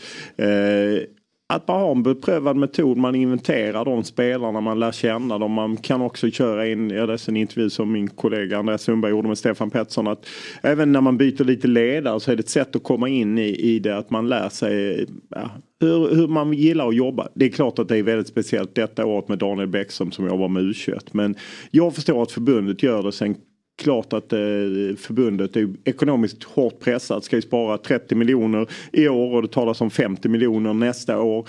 Eh, då kommer man vända och vrida på de här kronorna. Man får väl in lite pengar. Eh, att man sålt rättigheterna. Det ingår i ett avtal som vi har och som Viaplay har från nästa år. Att där de här matcherna ingår. Och så eh, har man ju tidigare när man åkt till Qatar och Abu Dhabi och så säkert fått väldigt gynnsamma förutsättningar. Jag tror att det är tuffare nu när man åker till Cypern. Då de är inte lika intresserade av att på något sätt subventionera en sån resa som Qatar var när man åkte dit. Vet du varför det bara blir en match? Det är svårt för motstånd. Danmark, eh, Norge har lite slutat. Dels gillar ju inte de att åka till de här länderna som Sverige gärna åkte till. Eh, Förenade Arabemiraten och Qatar. Eh, Finland skulle åkt. Det var långt gångna planer men när de sjabblade i sitt EM-kval nu spelar EM-playoff så ställde de in. Det är väl också så att det kan kosta lite pengar och att eh, svårt att hitta motstånd och nu när Sverige då inte kommer överens med ett riktigt landslag, ingen riktig förbundskapten, kanske ännu svårare. Något år flög man ju in Kosovo och Moldavien för att få motstånd. Estland har man ju mött många gånger. Så man brukar också kunna hitta lag som ska spela afrikanska mästerskap. Rätt många gånger har man mött Elfenbenskusten eh, när man har varit nere. Så att, jag tror att man har svårt att hitta motstånd helt enkelt. Eh, för egentligen ska man spela två matcher. Vad betyder flyga in? Att Sverige står för? Ja, ja precis. Du läser inte Fotbollskanalen. Eller så kan jag sticka till en bok. Så kan, nej, nej, men, ja, men jag tycker det var anmärkningsvärt. När Sverige var Qatar 2020 så ville ingen åka till Qatar av de nordiska länderna. Då pröjsade Sverige, eller egentligen inte Sverige, man använde sig, man outsourcade till det här bolaget One to Play. Eh, som eh, tog in de två fattigaste fotbollsförbunden i Europa. De bodde också på det här Sheraton i Doha. Eh, tror du att svenska förbundet stod för det? Nej det tror vi inte, även om vi inte kan dra fram kvittorna. Nej. Så att eh, Moldavien och Kosovo de bodde på det här fantastiskt fina hotell som ligger på stranden, Sheraton Doha, en eh, pyramid. Eh, tillsammans med det svenska eh, eh, förbundet. Så att eh, det är så det går till ut till den riktiga världen. Men det, ja. Jag har ju lyft, måste det här, måste det vara under landslagsflagg? Verkligen. Jag, jag, varför jag hånar att det är deras enda landskamp och sånt där. Är väl för att de, Nu berättar våra utsända här att de slåss om strumporna. Det är lite överdrivet såklart. Men är det här verkligen landslaget? Det är så enormt hopp tycker jag från till och med till träningslandskamperna på den tiden. Behöver det vara... Allsvenskan All-Stars tänker du mer? men Ja. med förbundskaptenen. Så kan man ju tycka men eh, jag tycker det är liksom eh, vem, vem ska, ja, när du har din måttstock för landskamp, eh, jag menar om man tittar långt tillbaka i tiden, ska de landskamperna räknas när det blev 8-0 mot eh, Finland och man knappt spelade några matcher på den tiden? Alltså det är ju det är svårt att, att navigera det. Visst man kan tycka att det är ett mindre värde i dem. Fotbollsförbundet har ju uppenbarligen och när man tittar på hur många spelare som ändå kommit fram den vägen och att man har liksom tyckt att det varit ett framgångsrikt sätt. Det kanske blir ännu viktigare nu när man har färre träningslandskamper. Det landskampsuppehåll blir ihoptryckt så blir det kanske ännu viktigare och sen om det räknas som en eller ja. Jag kan inte, det finns viktiga frågor jag tycker man kan brinna för.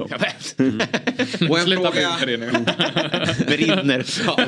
En fråga Lägg vi... dig i en pudaslåda framför riksdagen eller från kansliet. Stoppa januarilandskamperna. Låt, låt dem inte räknas som spe- riktiga. Spela men i andra tröjor. Ja, precis. En vecka. Och skicka med ordentligt med strumpor. Exakt, så att de får med sig något. Men en eh, fråga vi alla brinner för det är ju ändå vem som ska ta över eh, det, eh, vårt kära svenska landslag. Förhoppningsvis då i, i nästa samling som väl är i slutet på mars va?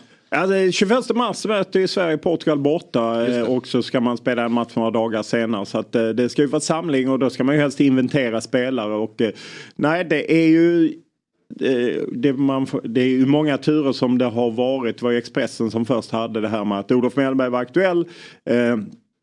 Som kandidat och sen hade jag och min kollega Martin att man vill ha Olof Mellberg och Tony Gustafsson ihop och Just sen det. så hade vi indikationer på att Allting var egentligen klart med Olof Mellberg, det skulle bara krokas på men eh, i den eh, sista dealen så skar det sig eh, fullständigt och nu igår kunde vi berätta att det blir ingenting med Olof Mellberg. Det är kört. Det är kört. Vad var de- det som skar sig?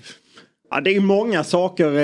Dels som, jag är noga med credden här. Nej men Aftonbladet hade ju i lördags det här med bonus. Att mindre ersättning, mer bonus har man velat gå över på. Sen ett väldigt kort tid. Och, När vi pratar kort tid, är det fram till 26 då eller? Alltså det otroliga nog var ju att TT igår, eh, Tidningens Telegrambyrå, hade uppgiften att om inte eh, man tog upp laget från eh, eh, Nations League i höst så skulle man inte få fortsätta. Jag har svårt att tro på den uppgiften för att det skulle innebära att då skulle man börja i mars och så kan det vara över i november och ska förbundet leta en ny förbundskapten igen. Jag tror inte riktigt på det. Däremot har jag hört att det bara var över den här mästerskapscykeln. Det vill säga att och det är ju, det är mindre än två år. Därför Ja. att VM-kvalet kan ju vara slut i, i, på hösten eh, 2025. Det vill säga att du börjar i mars 2024 och så är du ute. Så jag kan ju fatta att det var inte alls vad Janne Andersson och de har, har fått. Och, och mindre pengar för att förbundet har mindre pengar. Janne hade ju högre lön. Han hade ju runt, började ju med 4 miljoner om året och det stack ju iväg till närmare 6 när det gick bra sportsligt. Så att Ja, uppenbarligen har förbundet gett sämre deal och eh, då valde Olof Mellberg att tacka nej. Vilket ju, ja, det, det blir ju otroligt. Vem leder BP's träning idag? Ja. Är det Brännström som ju BP rekryterat för BP har varit helt säkra. Det jag har hört är att Olof Mellberg gett signaler både till BP och, till förbundet att det, här kommer han ta och sen så skar det ihop sig och eh, det är ju Ja. jobbigt läge. Det man blir lite så här konfunderad, jag har hört samma saker, att Olof har varit väldigt sugen på det här jobbet och, och sen har det kommit fram till att förbundet också känt att det här är första alternativet och det man reagerar på Ja, fast är ihop, men man vill ha det här ihop. Och jag vidhåller att man vill ha den här dubbelkombinationen. Egentligen vill man ha liksom Olof Mellbergs erfarenhet som eh, ja, men vinnare och landslag och allt det. Och sen så någon som är lite ledarerfarenhet, Tony Gustafsson. Nu har man, ju, man satte ju förhandlingarna med Australien lite på paus för man tänkte vi måste lösa Olof Mellberg innan BP drar igång sin träning. Och så gick det åt helvete och ja, nu får vi se var man landar. Och Tony Gustafsson, det spåret är inte helt dött.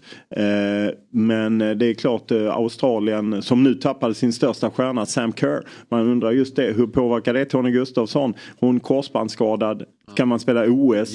Eh, de har eh, OS-kval mot Uzbekistan. Ah, det är många trådar och man får ju säga att de som rekryterar förbundskapten, eh, Andrea Möllerberg, ny generalsekreterare, Kim Källström och eh, landslagschef Stefan Pettersson. Om vi lägger ihop hur många tränare de tre tillsammans har rekryterat så tror jag vi kommer fram till noll. Ja. Vilket innebär att Ja, det, det är kanske svårt att rekrytera tränare om man aldrig gjort det tidigare. Ja. Nej men så låter det verkligen. Kan det ligga någonting i det här med att för det har också kommit ut uppgifter om att Olof vill jobba med sin tidigare assisterande Andreas Engelmark från BP. Och jag tycker bara att det låter konstigt att man ska para ihop honom med någon som man inte har någon relation med Tony Gustafsson. Sen gick Axén in på att så har det ju varit historiskt sett att man bara kopplas ihop med någon när man tagit över en klubb. Men idag ser vi ju till exempel när Premier League eller större klubbar rekryterar då får man ju ta med hela sin stab. Mm. Ja, Jag tror att förbundet vill bestämma det och Ja. jag tycker ändå man får bara, det är bara backa till Janne Andersson. Janne Andersson och Peter Wettergren hade aldrig jobbat ihop. Förbundet ville att han skulle jobba ihop med Peter Wettergren. Det fick man lösa det. Och här är det, det är ju inte så att man bara liksom slänger ihop dem i en UFC-bur när de väl börjar jobba. Utan de har ju träffats, de har hittat eh, grejer där de lirar ihop. Så att jag tror inte man hade kört vidare om man inte känt att det funkade på det sättet. Så som jag har hört är att Olof har velat ha med Engelmark men han hade mer varit en Lasse Jakobsson eh, som Janne Andersson ju tog in sin gamla radarpartner från eh, både Småland och Halland. Eh, att det inte var säkert att han skulle bli assisterande förbundskapten. Och jag har även hört att det var lite oklart vem som skulle få rollen som förbundskapten och att det faktiskt kanske skulle vara två förbundskaptener. Lite som Tommy Söderberg och Lasse Lagerbäck hade 2000 till 2004. Men som sagt den här processen, det är jävligt många involverade. Det är många som vill eh, på något sätt sätta någon slags spin på det. Ja, beroende på vilken ringhörna de tillhör. Men du den fördelningen då där det tydligt verkar vara att Tony ska sköta media och, och Mellberg någonstans en bra dialog med, med spelarna med all hans erfarenhet. Vem hade du velat prata med när du sätter dig vid, vid podiet? Ja, men jag, jag tror ju inte att det hade varit så renodlat att eh, Tony Gustafsson bara hade jobbat med media. För att jag vet att ah, många killar tycker att ja, fan, Tony Gustafsson jobbat med damfotboll. Vad fan är det för jävla noll? Alltså liksom, det är ju den typen av reaktioner jag får. Eh, jag menar, han har ändå jobbat med USA. De har haft stora framgångar. Han har gjort bra med, med Australien. Jag är inte så säker på att det hade varit så tydligt. Sen kan man säga att ja men i så fall i Peter Wettergren tog ju träningar mesta delen av fotbollen och liknande. Visst gärna hade sista ordet. Men han blev den som är ambassadör. Ja men ibland är det kanske bättre att jag tror ju inte att Olof Mellberg hade velat ta alla presskonferenser alla sådana saker eftersom han kanske inte alltid tycker att vi som ställer frågor är de han vill prata med. Jag menar hur många BP-grejer har han tagit medialt? Ja, inte jättemånga. Eh, så att jag hade nog kunnat köpa Tony Gustafsson. Det är klart att jag hade velat intervjua Olof Mellberg också men eh, det hade man kanske inte fått göra. Förvånar det dig att så mycket läcker från processen? Eh, Vilka är det som läcker? Jag tror att det är, finns ett stort intresse och det är väl förbund. De är många som är involverade. Min bild om man tar till exempel Janne Andersson eh, där ingenting läckte förrän eh, jag och min kollega Martin von Knorring drog ut det liksom eh, och då så gick förbundet ut. Då var det ju så nära slutet och då gick förbundet ut med det. Eh, så då tror jag att kanske Håkan Sjöstrand körde rätt mycket själv. Det vill säga att det var en person. Här är det det att ja, men jag, jag kan vara förvånad över processen. Att man har gått så liksom. Att man har pratat med alla. Att man har pratat med Jimmy Thulin, Högmo. Alltså, för att risken när man gör den processen är ju att man bara får en massa nej. Eh, men samtidigt det är väl, det är väl svårt eh, och, och att folk eh, behöver i, i den, eller eh, informera sina nuvarande arbetsgivare och liknande och då, då läcker det helt enkelt. Reagerar man inte lite på att eh, Olof Mellberg tackar nej till det ekonomiska? Alltså, det är ju en men jag tror otrolig trä- spelarkarriär bakom sig med Ja, mycket pengar inspelat. Men jag tror inte att Olof Mellberg tänkte... Eh, ja, jag, nu har jag bara hört att det var väldigt många punkter man inte kom överens om. Och att det blev nästan lite känsligt mellan... Alltså förbundet var så säkra på att han skulle bara krita på. Och sen plötsligt, för de har ju aviserat det är ungefär det här det kommer röra sig. Det är det jag har hört. Eh, och sen plötsligt slår han bakut liksom i sista stund. Jag tror inte att Olof Mellberg eh, drevs av pengarna. För då hade han inte varit tränare i BP. Eller kanske gått till Fremada Marger i danska andra ligan. Jag tror mer det handlade kanske om principen att ska jag gå in, ja men Janne Andersson hade X. Ska jag ta det här jobbet så ska jag plötsligt få mycket mindre och dessutom kortare tid. Jag tror att det är den kombinationen. Jag tror att det är mer principfrågan och den, de som känner Olof Mellberg vet ju att han, ja, men han är... Han det är har- lite signalvärde också. Så här, Precis. tror ni på mig egentligen? Precis. Ge mig så kort kontrakt, så svag lön. Vad är det här? Men det är väl också förutsättningarna bara. Alltså så här, Jag kan väl inte kunna göra ett bra jobb. Nej, nej och, och det, är väl, det är väl just den känslan. Jag, jag tror det är den känslan att vi chansar på dig. Du blir som en lottsedel Ja, snarare precis. än att vi tror stenhårt på dig. Du får det här, du får tid. Jag menar bara det att det ska smygas in grejer kring eh, Nations League. Att liksom man ska ha resultat i Nations League. Nu, nu var det ju TT som hade det och jag menar det är Henrik Sköld som skrev den. Jag, jag litar ju på honom. Men det låter för mig konstigt att man skulle kunna bli av med jobbet. För jag tror inte att förbundet nästa vinter skulle vilja ha en ny sån här Nej, process. Där man inventerar och, och liknande. För de ser ju hur svårt det är. Förbundet har ont om pengar. Visst, vi har en del attraktiva offensiva spelare. Men så hett är det inte att ta svenska landslaget. Men vill man inte svara Olof Mellberg då? Ja men det är en annan tid nu, det är en annan ekonomisk situation. Har Man kan ju man inte få alla pengar. Ja men det har man säkert gjort. Eh, men jag tror att det mera är, är liksom den eh, principen. Mm. känslan att, eh, ja, men att du ska sitta här och de plötsligt ska du gå ner i, Mm. i, i lön för att, ja, ska du göra det för att du är stolt för att vara med i fotbollsmål? Jag vet inte. Nej, jag förstår. Men man kan väl också erbjuda andra saker. Alltså om man inte kan erbjuda pengar kan man... Ja, strumpor till exempel. Nej men alltså då förtroende som du säger att, och tid och sådana saker. Om man nu inte har pengar att erbjuda så man erbjuda andra saker kanske. Men om man också då dels pratar med alla och så vet Mellberg, ja ni har ju också pratat med Jimmy Tillin. Ja. Så är inte det liksom... Man, han måste ju ändå känt att han var första. Jag menar så mycket, har, så mycket kontakt har de ändå haft med honom. Ä- Att han måste ju känt att han var med liksom i racet och att han och Tony hade träffat. Alltså att det var liksom tydligt att det var det här. Sen kanske det fanns önskemål från Olof som det kanske kommer läcka ut mer liksom vad, vad det var som gjorde att det inte lirade. Men någonting liksom eh, skar ihop sig på, på slutet när man skulle knyta ihop det. Och alla är ju överraskade eftersom eh, jag menar BP rekryterar ju in en ny tränare för att de tog för givet. Och otroligt för BP. Det var ju likadant med Christer Mattiasson förra året. När man höll på och han pratade med Sirius så tog man in några andra och sen sparkade man Mattiasson eh, för man har tagit in Mellberg och Engelmark istället och nu sitter man i samma situation.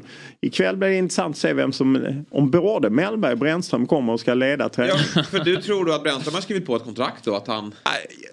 Enligt Aftonbladet så hade de gjort klart. Vi hade ju indikationer att han stod liksom eh, klar och att han har varit med. Eh, Brännström varit med och gjort upp träningsprogram och liknande. Men eh, eh, både Aftonbladet och Fotboll Stockholm uppger ju att de har gjort klart med honom. Så att eh, ja, jag, jag vet inte. Det, alltså det blir en jobbig situation för BP som trodde att nu ska vi kanske få lite betalt för att förbundet tar för Mellberg. Så plötsligt sitter vi med två tränare istället. Vad händer nu då från förbundets sida tror du? Vem, eh, vem kliver man på? Nej, det är ju väldigt... Ja, men om, man, om man tänker sig att förbundet vill hålla den här kombinationen av att liksom... Ja, men vi, vi, vi kör Tony Gustafsson i botten. Mm. Ja, vi vill ha en gammal storspelare. Är det Henrik Larsson då? Mm. Är det Fredrik Ljungberg? Alltså, är det den typen... Och för mig tycker jag Ljungberg har för lite tränarerfarenhet. Och, och Enig. sen kan man ju säga att eh, Henrik Larsson har inte gjort... Jag tycker ju ändå att Olof Mellberg har gjort liksom resultat de två gångerna i BP. Och jag tycker ofta man kan jämföra med Tommy Svensson som hade gjort rätt lite tränarmässigt. Var, var ju i Tromsö i norska ligan innan han tog över. Då var det ju Lagrell som bara gick ut och tog den han var sugen på. Eh, så att på det sättet var ju Mellberg lite mer lockande. Henrik Larsson har inte riktigt samma har inte gjort riktigt samma resultat som jag tycker ändå Mellberg gjort. Eh, så att, men är det Henrik Larsson kanske eller någon annan gammal storspelare? Jag vet inte. Och då ska Henrik Larsson som ju känns som en ganska stolt eh, person kliva in och, och ta det som Mellberg precis har ratat. Det är också en, en intressant. Ja, nej, och det, det är ju den risken på något sätt förbundet hela tiden har eh, levt med när man har gått ut så när det, man liksom träffade alla.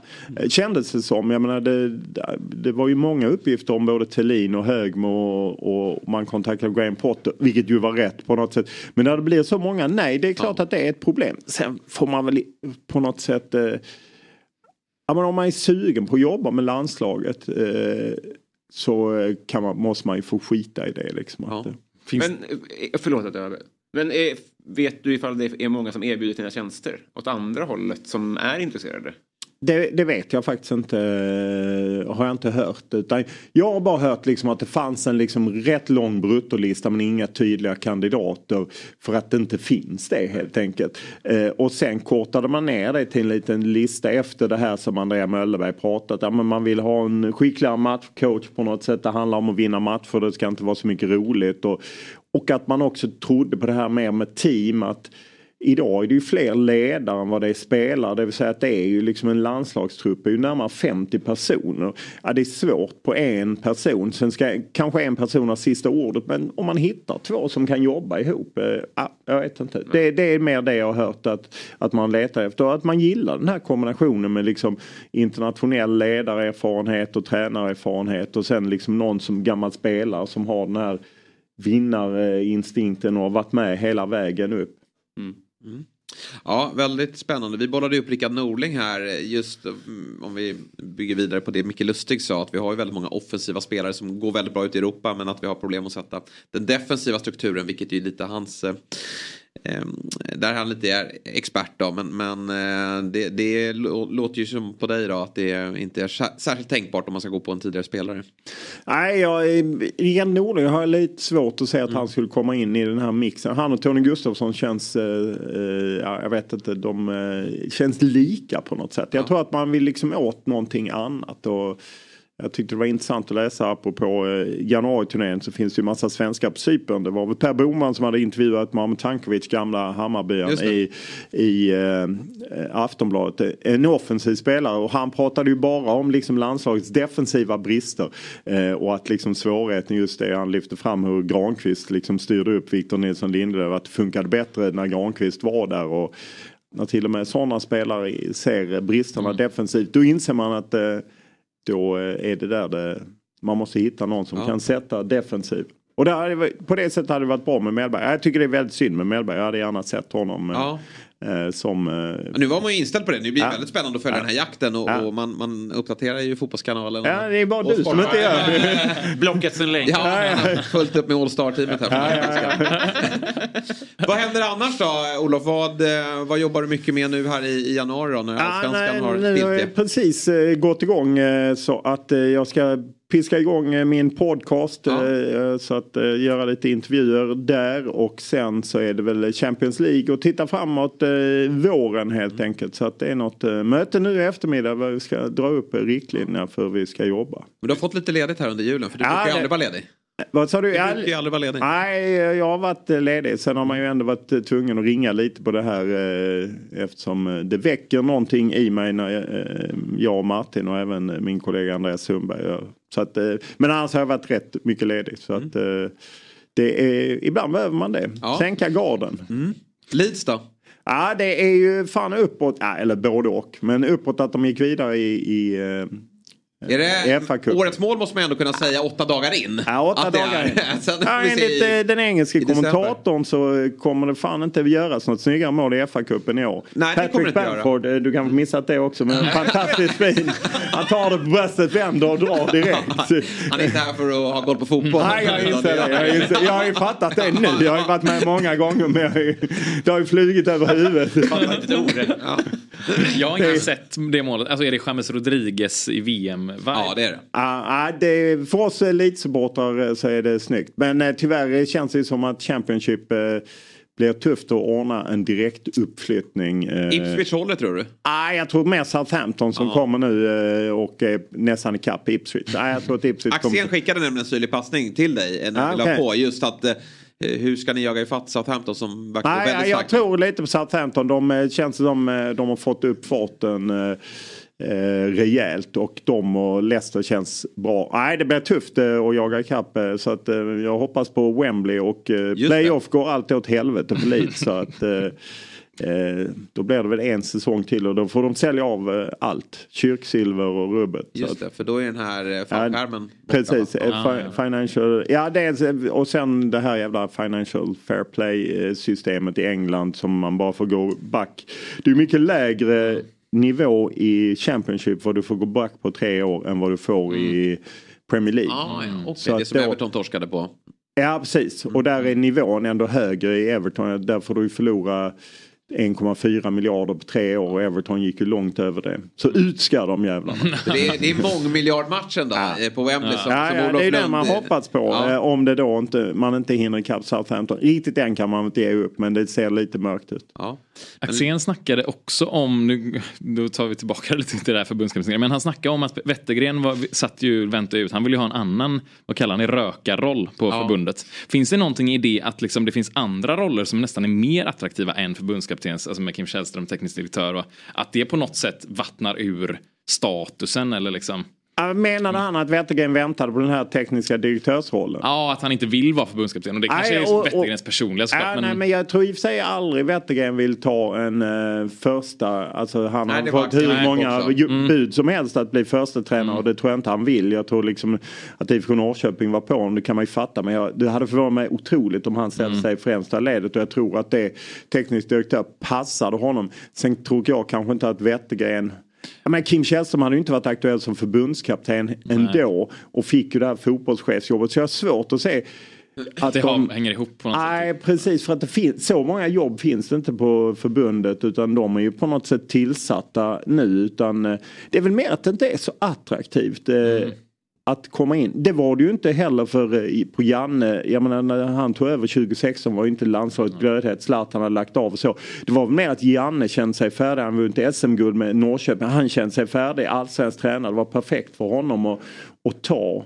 Det, det kan ju, jag menar Jörgen Lennartsson fick ju frågan före Janne Andersson och valde då att stanna i IFK Göteborg. Det säger väl kanske lite om hur attraktivt landslaget Säger mycket var om. IFK Göteborg Jag har också. lite svårt att förstå det där att det inte är så attraktivt. Men alltså jag förstår ju att vi ska spela Nations League C och vi kommer få en dålig eh, kvalgrupp till, till VM på grund av att vi är lågt rankade. Men alltså det är bara att titta på vilka spelare vi har där ute och hur de presterar och kliva in nu i ett Nations League. Vi kommer ju få en, en, en väldigt överkomlig eh, lottning.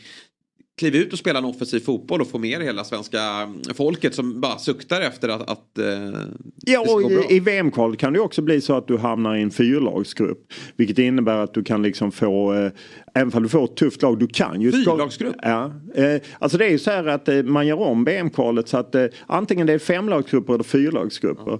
Och hamnar du i en fyrlagsgrupp, då börjar VM-kvalet i september 2025. Det vill säga att du har rätt lång tid på dig. Alla de som har liksom velat, ja, stått som du står utanför kansliet och är aggressiva. Du vill stoppa landskamper på januariturnén. Många som varit arga för att de inte utsett någon förbundskapten för länge sedan. Det är ju ingen sån superbrådska om man ser till att VM-kvalet kan börja hösten 2025. Så att fyrlagsgrupp, då är det ett lag som går och så ett lag som kan gå till playoff. Då kan man ju ändå skaka om eh, ett lag ska man ju kunna skaka om du får till det. Precis så som Janne Andersson. Och det är ju faktiskt fler platser än vad det var när Janne Andersson tog Sverige. Det är 16 eh, från Europa i det här lite större VM. Så 16 platser finns. Sen är det klart att får man ett riktigt jävla kanonlag så kan det ju vara jävligt svårt. Men då kan man ju ta playoff-vägen. Men har vi överskattat lite? Alltså, det kän- känns som att vi som inte då är eh, kandidater överskattar lite eh, attraktionskraften i att vara förbundskapten. Alltså, och, Kanske lite eftersom det har gått så dåligt att förbundet har lite ont om pengar och, och att man det, det blir inget riktigt drag kring landslaget. Men det kan ju vända otroligt snabbt. Jag menar EM 2016 när det var i- Ja, det var ju inte jättekul att se Sverige. Vad gjorde de med ett mål mot Irland? Eh, och sen så bara vände det den hösten när de tog poäng mot Nederländerna och bara rullade på och skakade Frankrike borta. Plötsligt var det ju ett lag och jag menar, fan kollar man de spelarna de hade den hösten så var det ju ingenting man gick ner i spagat för. Nu har du ju ändå spelare som spelar regelbundet i, och gör mål i Premier League och ja, offensivt sett ser det ju bra ut. Ja, det gör ju det. Jag fattar inte, för, alltså, säg att Janne hade gått efter EM 21 då. När eh, resultaten fortfarande gick väldigt bra. Då är det väl ett mardrömsuppdrag. När alltså, Mm. resurserna är, Mm. är dåliga men, men aktien ligger väldigt högt. Nu är Askan i den bästa jorden. Borde man inte som förbundskapten kunna ha världens chans att bli alltså, frälsare nu? Jo, jag håller med dig. Och det är ju ur det perspektivet som jag ändå inte... Om jag jag, nu vet jag inte hur Olof Mellberg tänkte men varför inte ta chansen? Visst, när jag får lite sämre pengar men fan om jag gör... Alltså vilken möjlighet att göra ett avtryck. Eh, att, Det blir väl ny förhandling efter Nations League då kan jag tänka mig. också. Precis.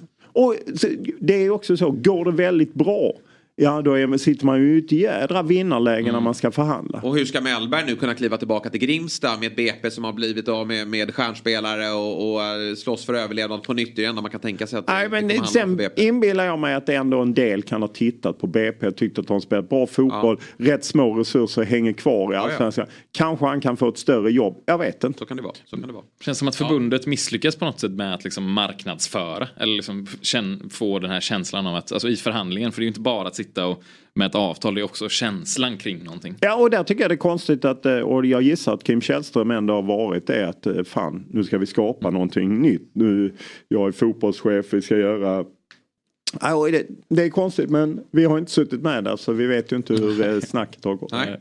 Men jakten fortsätter vi i alla fall med och den följer man bäst på Fotbollskanalen såklart. Där kan man följa den med även andra medier som är på hugget. Absolut. Men nu är du här och då vill vi fronta dig och ditt fantastiska Ja, härligt. Ja, även om Robin inte kommer vara med då. Nej, nej. Inte annars heller. Ja, annars. ja. Vilken härlig morgon vi har haft. Stort Ja. tack Olof för att du ville komma hit. ja, Och- alltid och, kul. eh, Ja, du kommer ju såklart tillbaka under året. Det Eh, händer, Någon gång eh, kommer man säkert tillbaka men nu, man kan väl bli petad nu när man går hårt åt Robin. Ja, vi får se, han har inget att säga till om i, i, de, i de frågorna. Men eh, ja, inte de frågorna heller. Så det är jag som ryker om någon. Ja, exakt. Kan jag räkna detta som en landskamp? Är detta äkta eller? Bara hugga ett par, Bara strumpor där ute. eh, Svenska spelstrumpor där ute så, så är vi klara. Vad bra! Ja, eh, tack. tack för, för idag. Eh, och tack till alla er som har eh, lyssnat och tittat. Vi är såklart tillbaka imorgon igen 7.00. Vi ses då. Fotbollsmorgon presenteras i samarbete med Oddset, betting online och i butik.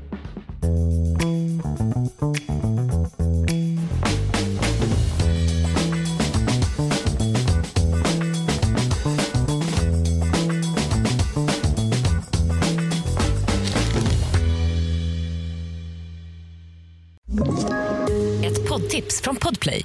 I podden Något Kaiko garanterar östgötarna Brutti och jag, Davva, dig en stor dos skratt. Där följer jag pladask för köttätandet igen. Man är lite som en jävla vampyr. Man har fått lite blodsmak och då måste man ha mer. Udda spaningar, fängslande anekdoter och en och annan arg rant. Jag måste ha mitt kaffe på morgonen för annars är jag ingen trevlig människa. Då är du ingen trevlig människa, punkt. Något Kaiko, hör du på Podplay. Därför arkadeinerna.